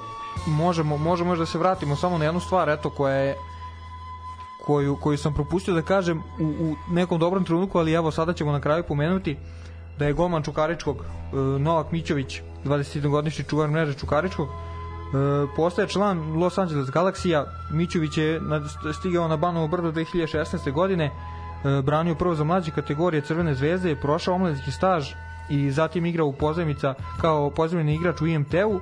U decembru, dakle, 2020. godine vratio se u Čukarički, postao je prvi golman ekipe, svojim igrama se dokazao, ove sezone upisao 19 nastupa i sačuvao mrežu u 7 navrata. Svakako po, pohvalno i interesantno reći da to prelazi u MLS u, u Los Angeles e, koji će se priključiti. E, pored, pored njega kao što već znamo ovaj, tu igra i naš seniorski reprezentativac Dejan Joveljić. Talentovan je ovaj golman ovaj, ko smo pomenuli dakle Mićević član mlade reprezentacije prema transfer marketu trenutna vrednost 700.000 evra ne znam, svakako pohvalna stvar i za, ovaj, i za Čuku i za njega Ču, Čuka živi od prodaje igrača i postepeno pomeraju granice. Čuka ako bude u top 3, to je garantovana evropska jesen, probiće se i ta granica od 3 miliona evra za, za transfer.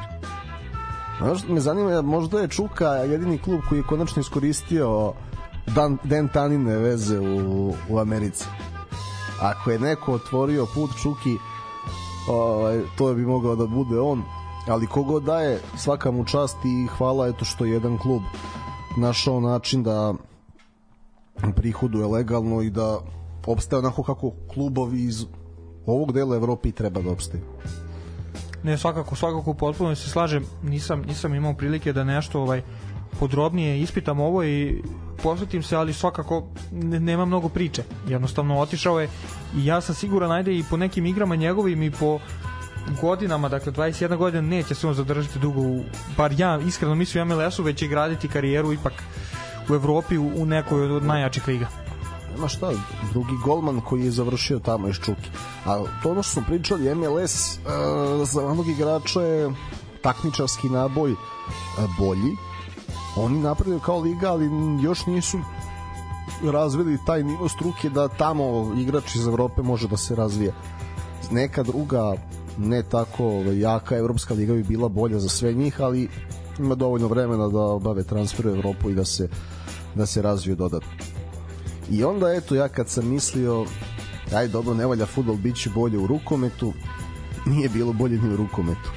No eto prvo jedna zanimljiva vest pre nego što budemo pričali o ključnoj utakmici to je da je Dinamo iz Pančeva legitimni član play-offa promenio trenera. Eto, u pitanju je znači Kraljevski je napustio Dinamo i gospodin Marković, bivši selektor reprezentacije Bosne i Hercegovine preuzeo ekipu i zaležio prvu pobedu, pa mi eto reci ti nešto više o tome. Ovo je nekako tvoj teren Pa najpre da kažemo, ajde eto, imali smo prilike u, u prošloj mići da pričamo sa Sretenom, stručnjakom, da tako kažem, za rukomet. Jednostavno i on je sam rekao da ako gledamo trenutni status te top 4 ekipe i trenera koji trenutno imaju, Dinamo je bio najbliži da, da ovaj promeni trenera, tako se i desilo. Sad ne mogu, ne mogu ništa mnogo da kažem, ono, ono što znam i ono što sam čuo od ljudi koji, koji su eksperti, da tako kažem, za rukomet u ovom nekom našem ovaj, kraju iskreno svi imaju samo reči hvale za, za novog trenera Dinama, evo kao što si sam rekao odmah su pisali pobedu savladali su radnički na, na jednom teškom gostovanju u Kragujevcu sa 34-29 tako da kao što sam rekao znači oni oni dalje gaje te ambicije da budu među četiri. Možda čak budu i drugi probaju probaju da budu tik i za Vojvodine koje će ajde realno po svemu sudići ipak završiti na toj prvom mestu i ovaj sa sa liderske pozicije čekati čekati uh, play-off. Ja moram da pohvalim generalno naše slušalce koji nas su nam slali ovo uh, koji prate i pitali su nas da li znamo nešto da, da će biti uskoro promena trenera, mi nismo ništa znali ali eto imamo kvalitetnu publiku uh, ono što je jedan od slušalaca kojeg smo čije smo pitanja čitali uh, u prošloj emisiji oslovom pitanje Miloš Anović, a to je da da je ono što on zna o Draganu Markoviću jeste da je dobar razvojni trener. Da mlad igrač u našoj ligi može pod njim da napreduje, da su treninzi dobri i to je mnogo važno da imamo što širu bazu zarad naše reprezentacije jer vidimo kada fali igrač dva, eto znači igrali smo dve utakmice bez Đorđića već u drugoj smo videli koliko fali defanzivni, njegov ofanzivni učinak i shodno tome nama je šira baza preko potrebna. To je jedna vez što se tiče rukometa, a drugo je to da je što se tiče Seha lige, Vesprem je najavio da će protiv Partizana igrati sa timom do 21 godine. Pazi, e, njuškao sam malo po netu, e, nije provedena informacija. Znači ne mora, ne mora da znači, ali iskreno, ajde gledajući ovako iz, iz, iz pozicije i Vojvodine, što ćemo isto kasnije dotaći se i njenog susreta sa Vardarom u, u četvrtfinalu Seha lige, nema, nema Vesprem iskreno razloga da, da dovodi prvi tim ili da pravi kombinovani tim, da ostavi neke prvotimce, jednostavno oni se bore za mnogo zbiljne stvari, za ligu šampiona gde igraju odlično, tako da ne vidim ja lično sa strane, onako laički, da imaju, jednostavno Seha Liga ne donosi ništa mnogo i nemaju, nemaju potrebe možda da igraju. Sa, sa njihove strane razno, meni je samo žao što igrači Partizana možda neće osetiti, neće se oprobati da vide da vide gde su, ali opet s druge strane većina igrača Partizana ima do 21 godine. Tako da to neće biti Ne, em to- em to- toliko nerapravna, nerapro, neravnopravna borba. E, u kratkom razgovoru sa trenerom Vojvodine Rojevićem on je rekao da sa, da nije rekao da, da li će Partizan pobediti ili Vesprem jednostavno je rekao da ako Vesprem zaista dođe u, sa drugom ekipom do Partizan ima, ima realne šanse da da im pomrsi računa i da možda dođe do pobede koja će svakako odjeknuti i biti veliko iznenađenje, ali ako pogledamo e, roster Partizana, pogledamo kvalitet, pogledamo koliko talenta tu ima, ja isto ovako da kažem sa strane ne bi me ne bi me čudilo da da se vladaju naravno ako Vesprem dođe u, u prvom timu jako teško će biti ali koliko zaista dođu sa, sa ekipom do 21 godine Partizan ima solidne šanse da da obezbedi polufinale Seha lige. Dobro. I ovaj, možemo sada malo na utakmicu odigranje derbi kola Arkus Lige. Playoff nam se bliži, a u poslednjem derbiju regularnog dela Vojvodina je slavila na Banjici, savladala Partizan sa 27-24. Eto, kako si video meč i šta bi izdvojio kao najvažnije stvari? Pa pre svega onako generalno nepristrasno gledali smo gledali smo lep rukomet. Gledali smo kvalitetnu utakmicu. E, manje navijača nego što se očekivalo. Očekivalo se da da to sam i ja da bude da bude malo uzavrelija atmosfera. Razgovarao sam pre meča sa sa golmanom Vojvodine Lučinom, Fran Lučin, koji je rekao da nije da ga plaši, ali rekao je da očekuje da će biti velik broj navijača, da će to doneti neku drugu dimenziju, da će dosta uticati možda na, na, na rukometaše Vojvodine. Nije to bio slučaj, naravno pristalica Partizana je bilo, ali, nije ne, bilo ne u nekom broju navijanje kao što je bilo protiv Vardara u Seha ne, ne, ne u broju kojem se očekivalo, što možemo isto uzeti kao ovaj legitiman, legitiman razlog za ajde što u nekim trenucima gde publika može da napravi nešto onako da donese neku dodatnu energiju svojoj ekipi nismo to videli. E, Partizan je bolje startovao meč igrali su, igrali su dobro ovaj, u prvom poluvremenu. Nekako ajde im- imaju stvarno sjajne igrače na tim bekovskim pozicijama igrali su jednostavno lako su postizali golove. Vojvodina ne moramo da pričamo koliko dobru kvalitetnu čvrstu odbranu ima sa nekim iskusnim igračima poput Pušice i Vukovljaka sa sjajnim golmanskim tandemom e, Arsenićem i Lučinom ali ovaj Partizan se stvarno dobro snašao preko Petrića, preko Kojedinovića koji je sa sedmercima razbijao u prvom poluvremenu Vojvodinu, takođe tu je bio Mićić, e, moramo pomenuti momka kog smo više puta pomenjali, e, talentovanog Andreja Trnavca, koji je sasvim solidno branio u prvom poluvremenu, skinuo dva sedmerca ne, u ono- prvih 30 minuta.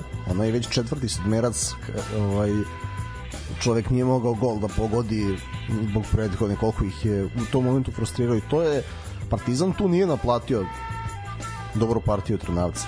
Onaj potez inače bio fenomenalno onakva odbrana skinut zicer i onda kad je sa gola na gol šutirao ono je bio potez utakmice meni ovako laički bez obzira na poraz. Ali ne možeš da dozvoliš sebi da gubiš utakmicu koju Trnavac tako dobro brani. A i on je imao mali pad forme recimo nije dobro branio u derbiju protiv Zvezde I pazi, i sad kad se podigao ti to nisi naplatio. ako je verovati, nisam vodio statistiku, ako je verovati statistici na, na zvaničnom sajtu Arkus Lige, ako saberemo golove, Trnavac imao više odbrana nego kombinovano Lučin i Arsanić što potvrđuje tu tvoju priču za njegovu sjajnu partiju. I opet kao što si sam rekao ostaje žal što nisu tu uspeli da nagrade da nagrade samim tim i Trnavca i svoju ekipu i da I govori o odbrani Vojvodine koju pominješ s obzirom na broj šuteva e, rukometaša Partizana koji su završili van okvira gola. Znaš, posle, kako je meč odmicao, strpljenja je bilo sve manje. I onda su se ispucavali apsolutno svi, cela bekovska linija. Ne, Vojvodina to ima već, već nekoliko mečeva u prvom polovremenu. Ne možemo reći da je, da je u pitanju e, neka nesigurnost ili slično, jednostavno zamor. E, često igra, igra i Partizan do duše na svaka tri dana ajde utakmicu, ali Vojvodina ima dodatne napore u završnici Evrokupa. Tu i dalje kup gde, je- gde, je, ovaj, gde takođe očekuje ajde da ima najviše ambicije, tako da E, bilo umora i možda možda je upravo umor neki neki ovaj razlog zašto već te tri utakmice u prvom poluvremenu u tim težim utakmicama nešto slabije igraju i nešto ove više problema imaju da da naprave prednost. Znači poluvreme 12-11 za Partizan.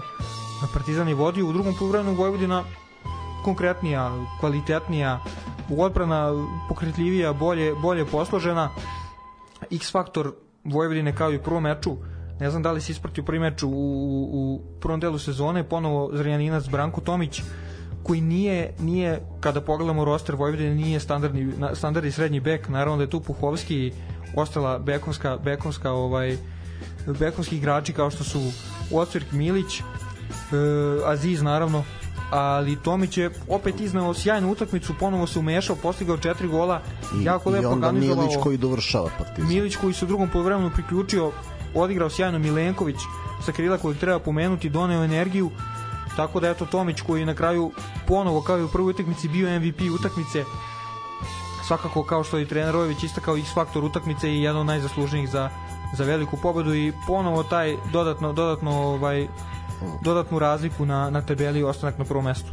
ono što je meni utisak, ja ću izneti dva, to je da prvo Partizanu fali drugi golman, E, kad vidiš kako je, kako je Lučin ušao, odmenio Arsenića i zabeležio ne mnogo, ali nekoliko ključnih odbrana i druga stvar jeste da kada je ekipa u krizi da je Rojević mnogo brže tražio timeoute i reagovao u odnosu na krženje. To, reci mi kako ti vidiš to, meni je tako izgledalo da da je trener Vojvodine bio spremniji na krize. Pazi, ne mogu, iskreno, nije da si me zatekao, ali ne mogu, ne mogu da dam neko ovaj, tačno mišljenje, ali svakako složio bi se sa tim za, za golmane. E, Lučin je golman koji ove sezone nema, nema lošu partiju. Imao je dve, tri partije da je bio nešto slabiji, a ako nema mnogo odbrana, on onda dođe i mislim da je bio 59. minut, dok je bilo dva razlike, on dođe odbrani Zicer, nemamo šta da pričamo. Znači jednostavno, p- prelomni trenutak finiša utakmice. Vojvodina je bila ajde ako gledamo godine igrača, ali jednostavno iskusnije je privela utakmicu u kraju, iskusnije je odigrala na kraju. Nema nema mnogo priče to za taj maute. Ne mogu ne mogu mnogo da kažem, ali to je to je fakat da je Vojvodina kao što si sam rekao spremnije tražila taj malo da je Rojević bio spreman da prekine da prepozna trenutak kada je Partizan u naletu kada njegovi momci nisu.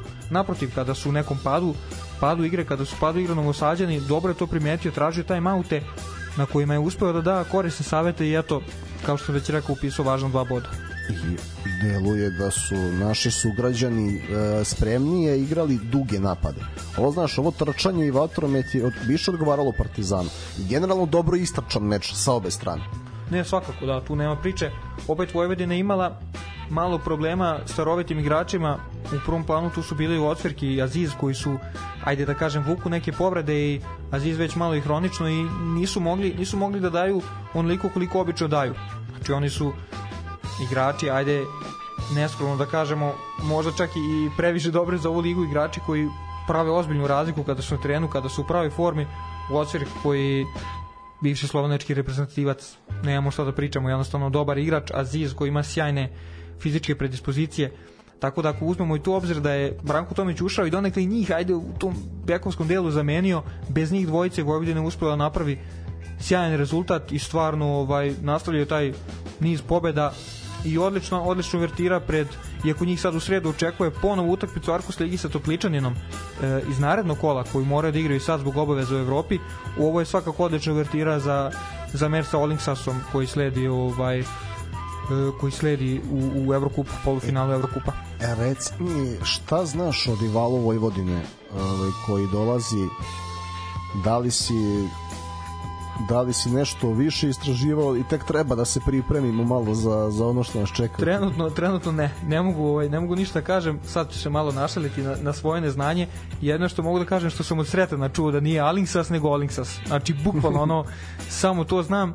Skandinavska ekipa, s njim, s njim ono što smo mogli da zaključimo, igraju brz rukomet, polu kontre, kontre, brzo otvaraju, jednostavno igraju taj stil koji ne možemo sada odmah da kažem da li to Vojvodini odgovara ili ne, ali svakako da igraju brz rukomet, da nema previše uigranih akcija u smislu da oni grade, to što si rekao, da se grade akcije, da se prave neke, ajde, služenije, služenije ovaj, akcije, odnosno igraju brz rukomet, da. trče, Znači da se nadamo da će sudija da pusti tuču i da Vojvodina može malo da ih uspori. e, mislim da kao navijači koji navijamo za domaći klub, za klub iz Srbije, treba samo da se nadamo da Vojvodina odigra najbolje što može, jer ako odigra najbolje što njeni igrači koji sada ima u rosteru, može Vojvodina može da da da savlada svakog rivala. Znači to sad govorim malo malo možda i onako bezobrazno, ali stvarno kada pogledamo ekipu, to to je to je strašan tim. To je strašan tim koji koji svakome može da stane na crtu. Što sad izvini, što je što je trener Rojević više puta rekao, mi smo Vojvodina kaže za ekipu. Jednostavno, da dođe kill, idemo da pobedimo Jao, kill. to kopiranje Miroslava Đukića. Razumeš? Ne, to sad nećemo ulaziti u tome da li je to, da li je to Šalim se, ovaj, da. ali na- na Đuku me ali, to je stav, jo. to je stav jednostavno koji treba da gaje sve ekipe i koje drago mi je da gaje ekipe kad igraju protiv Vojvodine u domaćem prvenstvu. Znači imali smo imali smo priliku da vidimo uh, daću primere Dubočice, daću primere e, sad, sad sam sam sebe, ali evo da se zadržimo na Dubočici, ekipa koja ekipa iz Leskovca sa sigurno veoma malim budžetom u odnosu na budžet koji ima Vojvodina koja je držala Vojvodinu bila u egalu 40 minuta sjajna igra.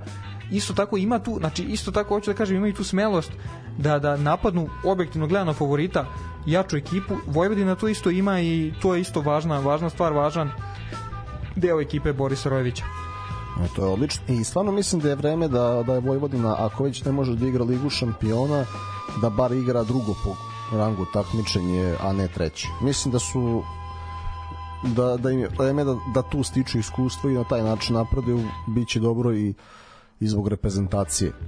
Tako da, eto, što se tiče Partizana, ovaj, ne iskustvo, ne strpljenje, ali e, pokazali su da mogu da se nose s Vojvodinom u manje više 60 minuta i Dobro, sa, to, to, sa par sad detalja, te prekinem, to uopšte nije bilo upitno.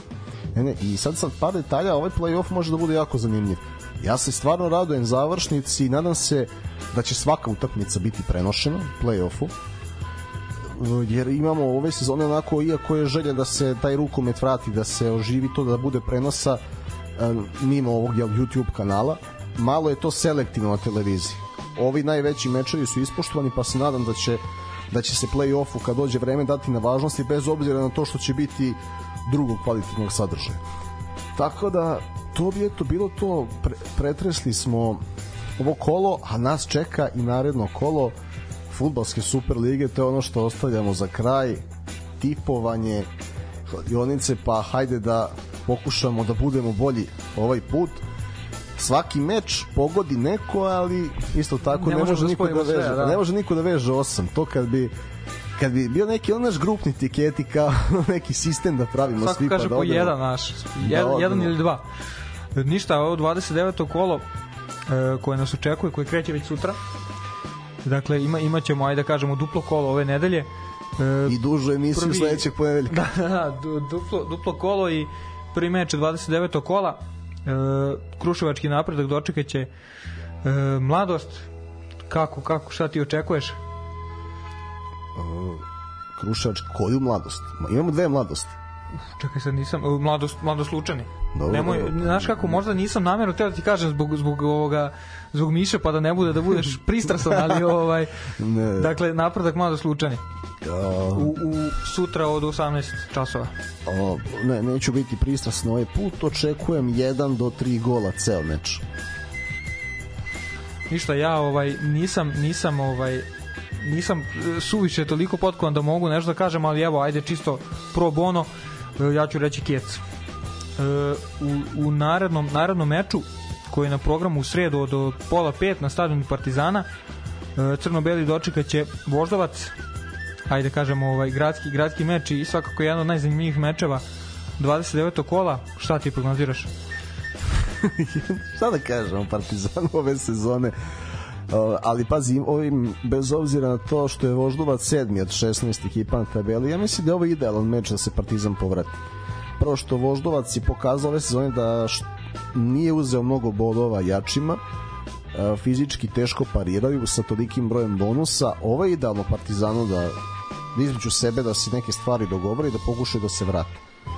Uh, čisto keca ne bih tipao prvo što im ne verujem, drugo što je malo, o taj da kažemo je, u 1 do 3 u oba poluvreme.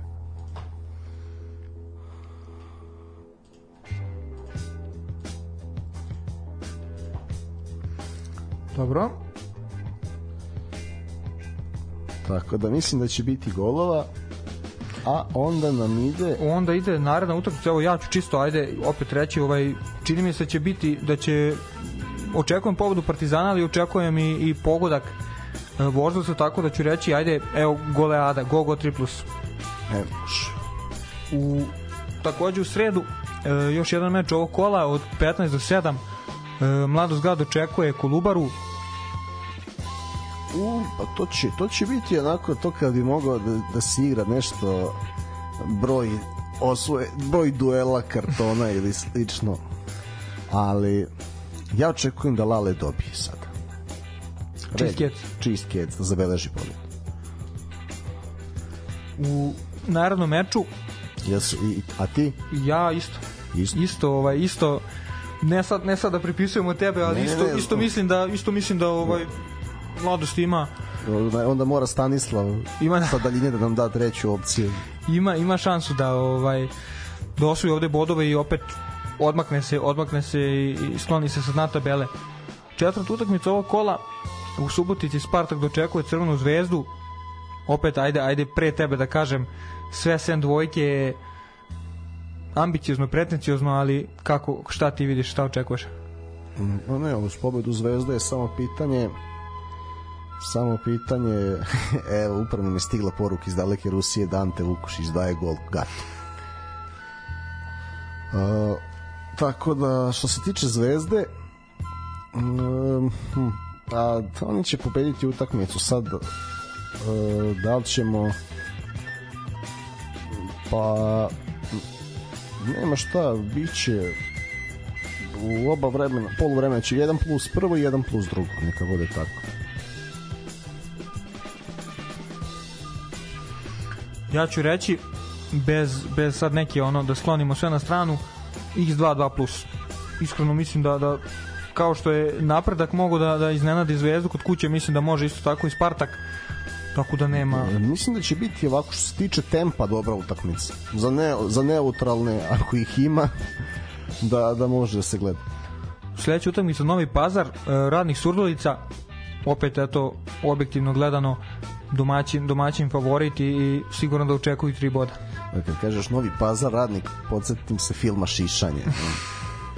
Ali... Pa znaš kako, e, ja očekujem da će radnik dati bar jedan gol u Pazaru. Tako da mislim da su da, da će biti nagrađeni za ovo što su promašili protiv TSC-a. Ništa, ja ću, ja ću reći malo, malo i ovaj poučen tvojim, tvojim tipovanjem Kjec. Dobro. U narednom kolu u na pardon, u narednom narednom meču derbi derbi ovaj derbi radničkih ekipa. Radnički iz Kragujevca dočekaće radnički Niš.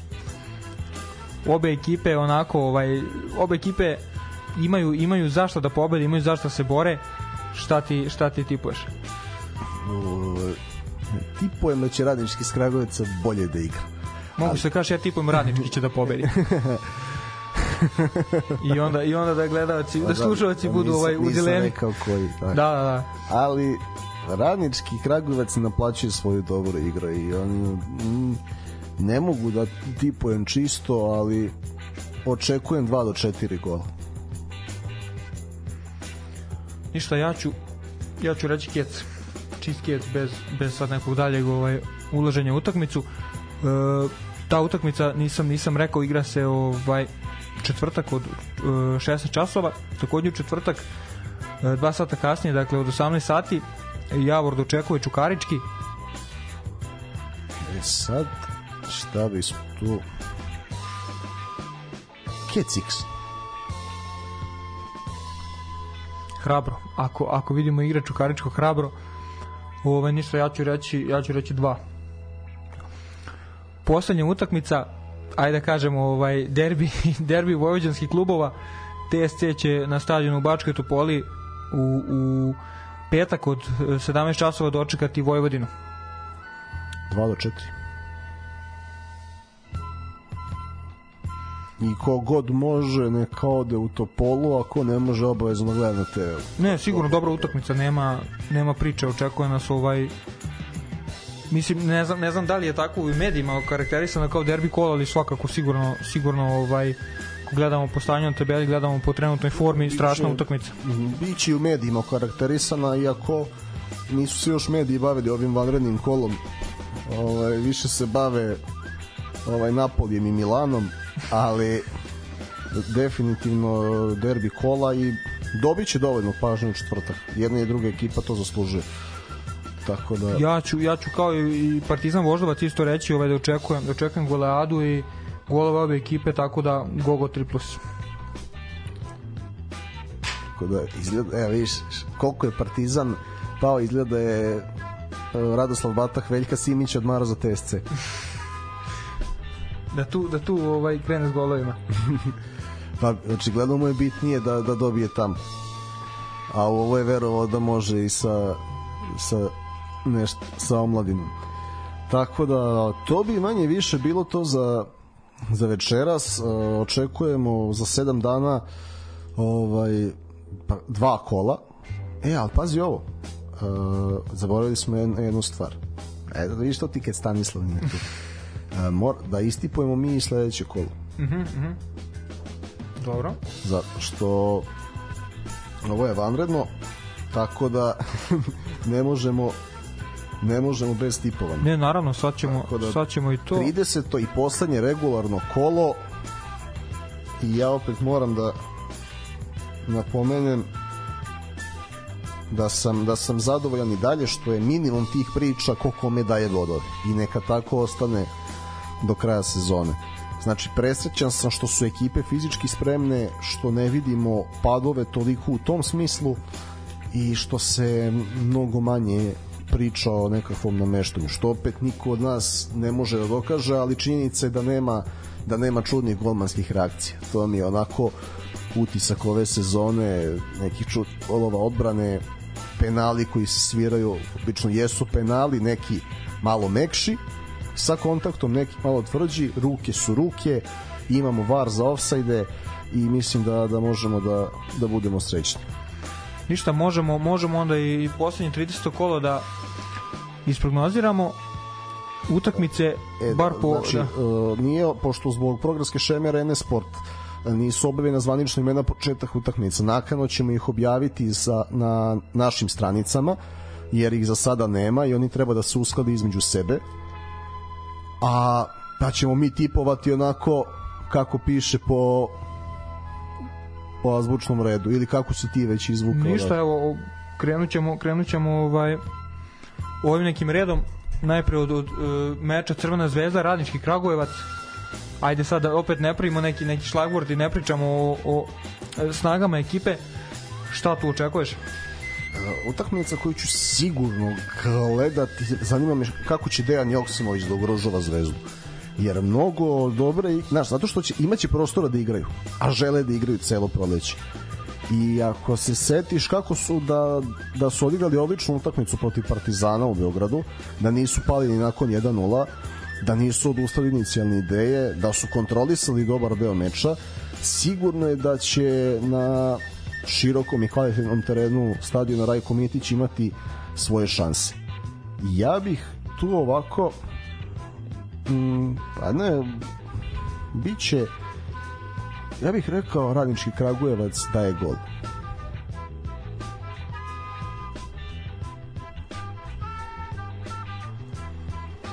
ovaj, sad, sad posle tvoje analize ja da nešto još dodajem, mislim da nema potrebe. Ja ću reći samo da ovaj gol, da će jednostavno biti golova a što da ne i 3 plus, eto. Gol, gol 3 plus. E, naredni meč Čukarički Partizan derbi, derbi gornjeg dela tabele i borba za ta za prva ovaj 3-4 mesta na tabeli Čukarički ajde domaćin Pa dobro, znaš, Čukarički nije ona taj, ta vrsta terena u smislu da se bojiš tog gostovanja. To je više kako će Partizan da se skocka dotle jer im, imaju krizu rezultata, a imaju utakmicu u toku nedelje, nema vremena, nema se vremena za trening. Ja ću reći 2 do 4 gola. Ništa ja ću ovaj ne mogu ne mogu nešto da, da, da mnogo preciziram ali go go da će da će obe ekipe ovaj uspeti uspeti da postignu barem barem po jedan pogodak. E, naredni meč 30. kola e, opet gornji deo tabele Voždovac očekuje TSC iz Bačke Topole. Govorili smo o Topoli da da ako je gledajući po tabeli redko gube od, od ekipa koje su slabije rangirane od njih, ali svakako da će ovo biti težak, težak zadatak za, za ekipu Žarka Lazetića. Šta ti očekuješ? Mm, Očekujem dvojku na čiste fizikalije, ako ništa drugo.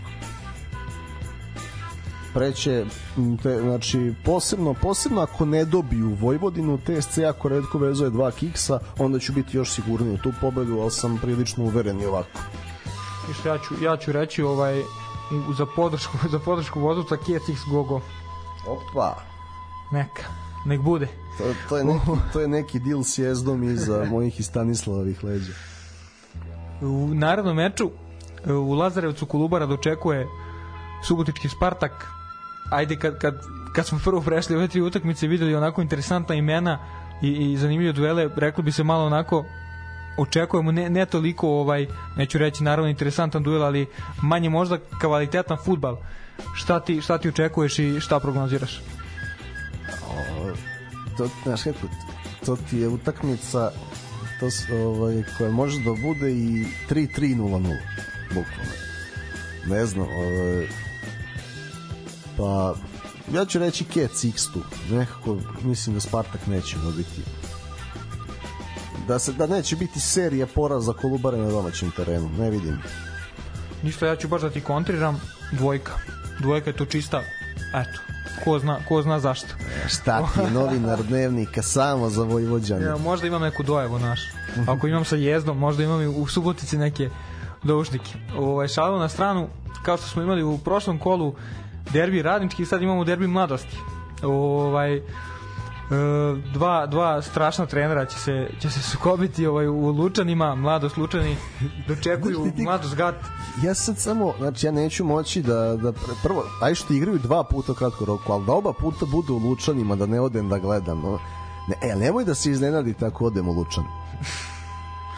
I, tako da stvarno se nadam da će taj raspored ustaljeni, da se- da se namesti tako ovaj put da, da će drugu utakmicu Gat da ih dočeka ovde. A što se tiče same utakmice, hmm, hmm, 1 do 3 gola. Bi, biće šansi, ali jedni i drugi kubure s realizacijom, pa onda ne, nisam siguran da da li će da se raspucaju. Ništa, ajde, slično, slično tvom, ali ipak različito, e, 0 do 2. Kao što si sam rekao, realizacija nešto slabija trenutno ovaj, u oba tabora, u obe ekipe, tako da ima ima rezona. E, u narodnoj utakmici opet kažemo, kao što si ti sam rekao, ne znamo tačna vremena i ne idemo nekim tim ovaj, redom. E, radnički iz Niša dočekuje Javor, E, tu očekujem kec. O, mislim da znači Javor će, Javor će da odigra korektnu utakmicu. Banjic, ja sam rekao i Kec ali mislim da čak i da izgube neće igrati loše, ali mislim da će oni mnogo više se potroše u toku nedelje od e, Niša, pa onda nego na gostovanje mislim da će radnički tu da, da dobije. Dobro da, ako pogledamo, ovaj, uzeo se to u obzir Javor, Javor sa Čukaričkim u kolo pre toga, tako da sigurno ovaj, težak zadatak i bit će zahtevna fizički utakmica. Ništa, ja ću, ja ću reći go go bez, bez 3 plus ovaj put. E, pretposlednja utakmica u, u poslednjem kolu e, Kruševački napredak će dočekati Novosadsku Vojvodinu. Vojvodina u, ajde da tako kažemo, naletu i dobre igre u proteklom periodu napredak isto ništa ništa mnogo lošije, ali opet čini se ajde možda trenutno Vojvodina u, u, u s više kvaliteta i možda favorit u Kruševcu. 0 do 2 mi je to nekako. Mislim da da će Ne, pardon, čekaj, sam Čekaj. ja. Moja, moja greška. ne, moja greška, ja se ne, ja gledam, pa ne ja gledam isto krali su ne ne ra, radnik igra Moja, moja greška, ja se izvinjavam, radnik, radnik je Surlicu dočekuje napredak. Izvinjavam se, ovaj, nadam se da ćete mi prostiti. Pa ne, ja ovaj, slušalci, sabiram. e, radnik napredak, ja sam, a žao mi sad sam napravio uvod film, znaš, kako je Vojvodina ovako, kako ovi ovako, šta, šta tu prognoziraš? Dakle, u to mi pretposlednjem je kolu radnik napredak radnik napredak. A, radnik napredak mi je ono to ćemo Kec X 0 i 0 do 3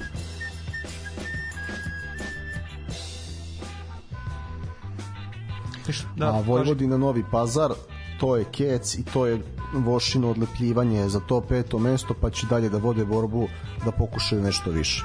Da, dobro, to si već i rekao, da, da osiguraju to peto mesto, da, da ga obezbede i onda možda i, i odu, odu i korak bliže. E, ekipama, ekipama koji su na vrhu. Ništa ja ću reći ovaj, takođe za Vošu Kec, a za napredak i, i radnik ajde ovaj da nek bude dvojka. ono što se ono što se za sada zna to je da će Crvena zvezda i Radničkih iz Kragujevca igrati u nedelju od 17 časova to je jedino što sam preko kontakta na Areni Sportu uspeo da saznam, a ostale termine ćemo objaviti. Dobro da, ovde, ovde po šemi sve utakmice su napisane da se igraju, napisane da se igraju u tom Ne. terminu. Evo sada i ja vidim znači da će da će biti ovaj nedelja od 17 je Zvezda i Radnički. Tako da to je to sve ostalo naknadno. Uživajte u Superligi Srbije, posebno što nemate Ligu šampiona u toku nedelje. Tako da iskoristite ovaj period što bi jedan čovjek rekao dođite na stadion ja se nadam i blagom otopljenju kako bi bila nešto bolja poseta. I ovaj sledeća emisija će nam potrajati sigurno duže. Ovaj, tu nećemo moći da se onda bavimo rukometom verujem nego da ispratimo ova dva kola i bože zdravlje onu tamo da radimo kompletni sva trojica. Tako da od mene toliko za danas i šta da kažem ostanite uz sportski pozdrav Ništa, pozdrav, pozdrav takođe i s moje strane.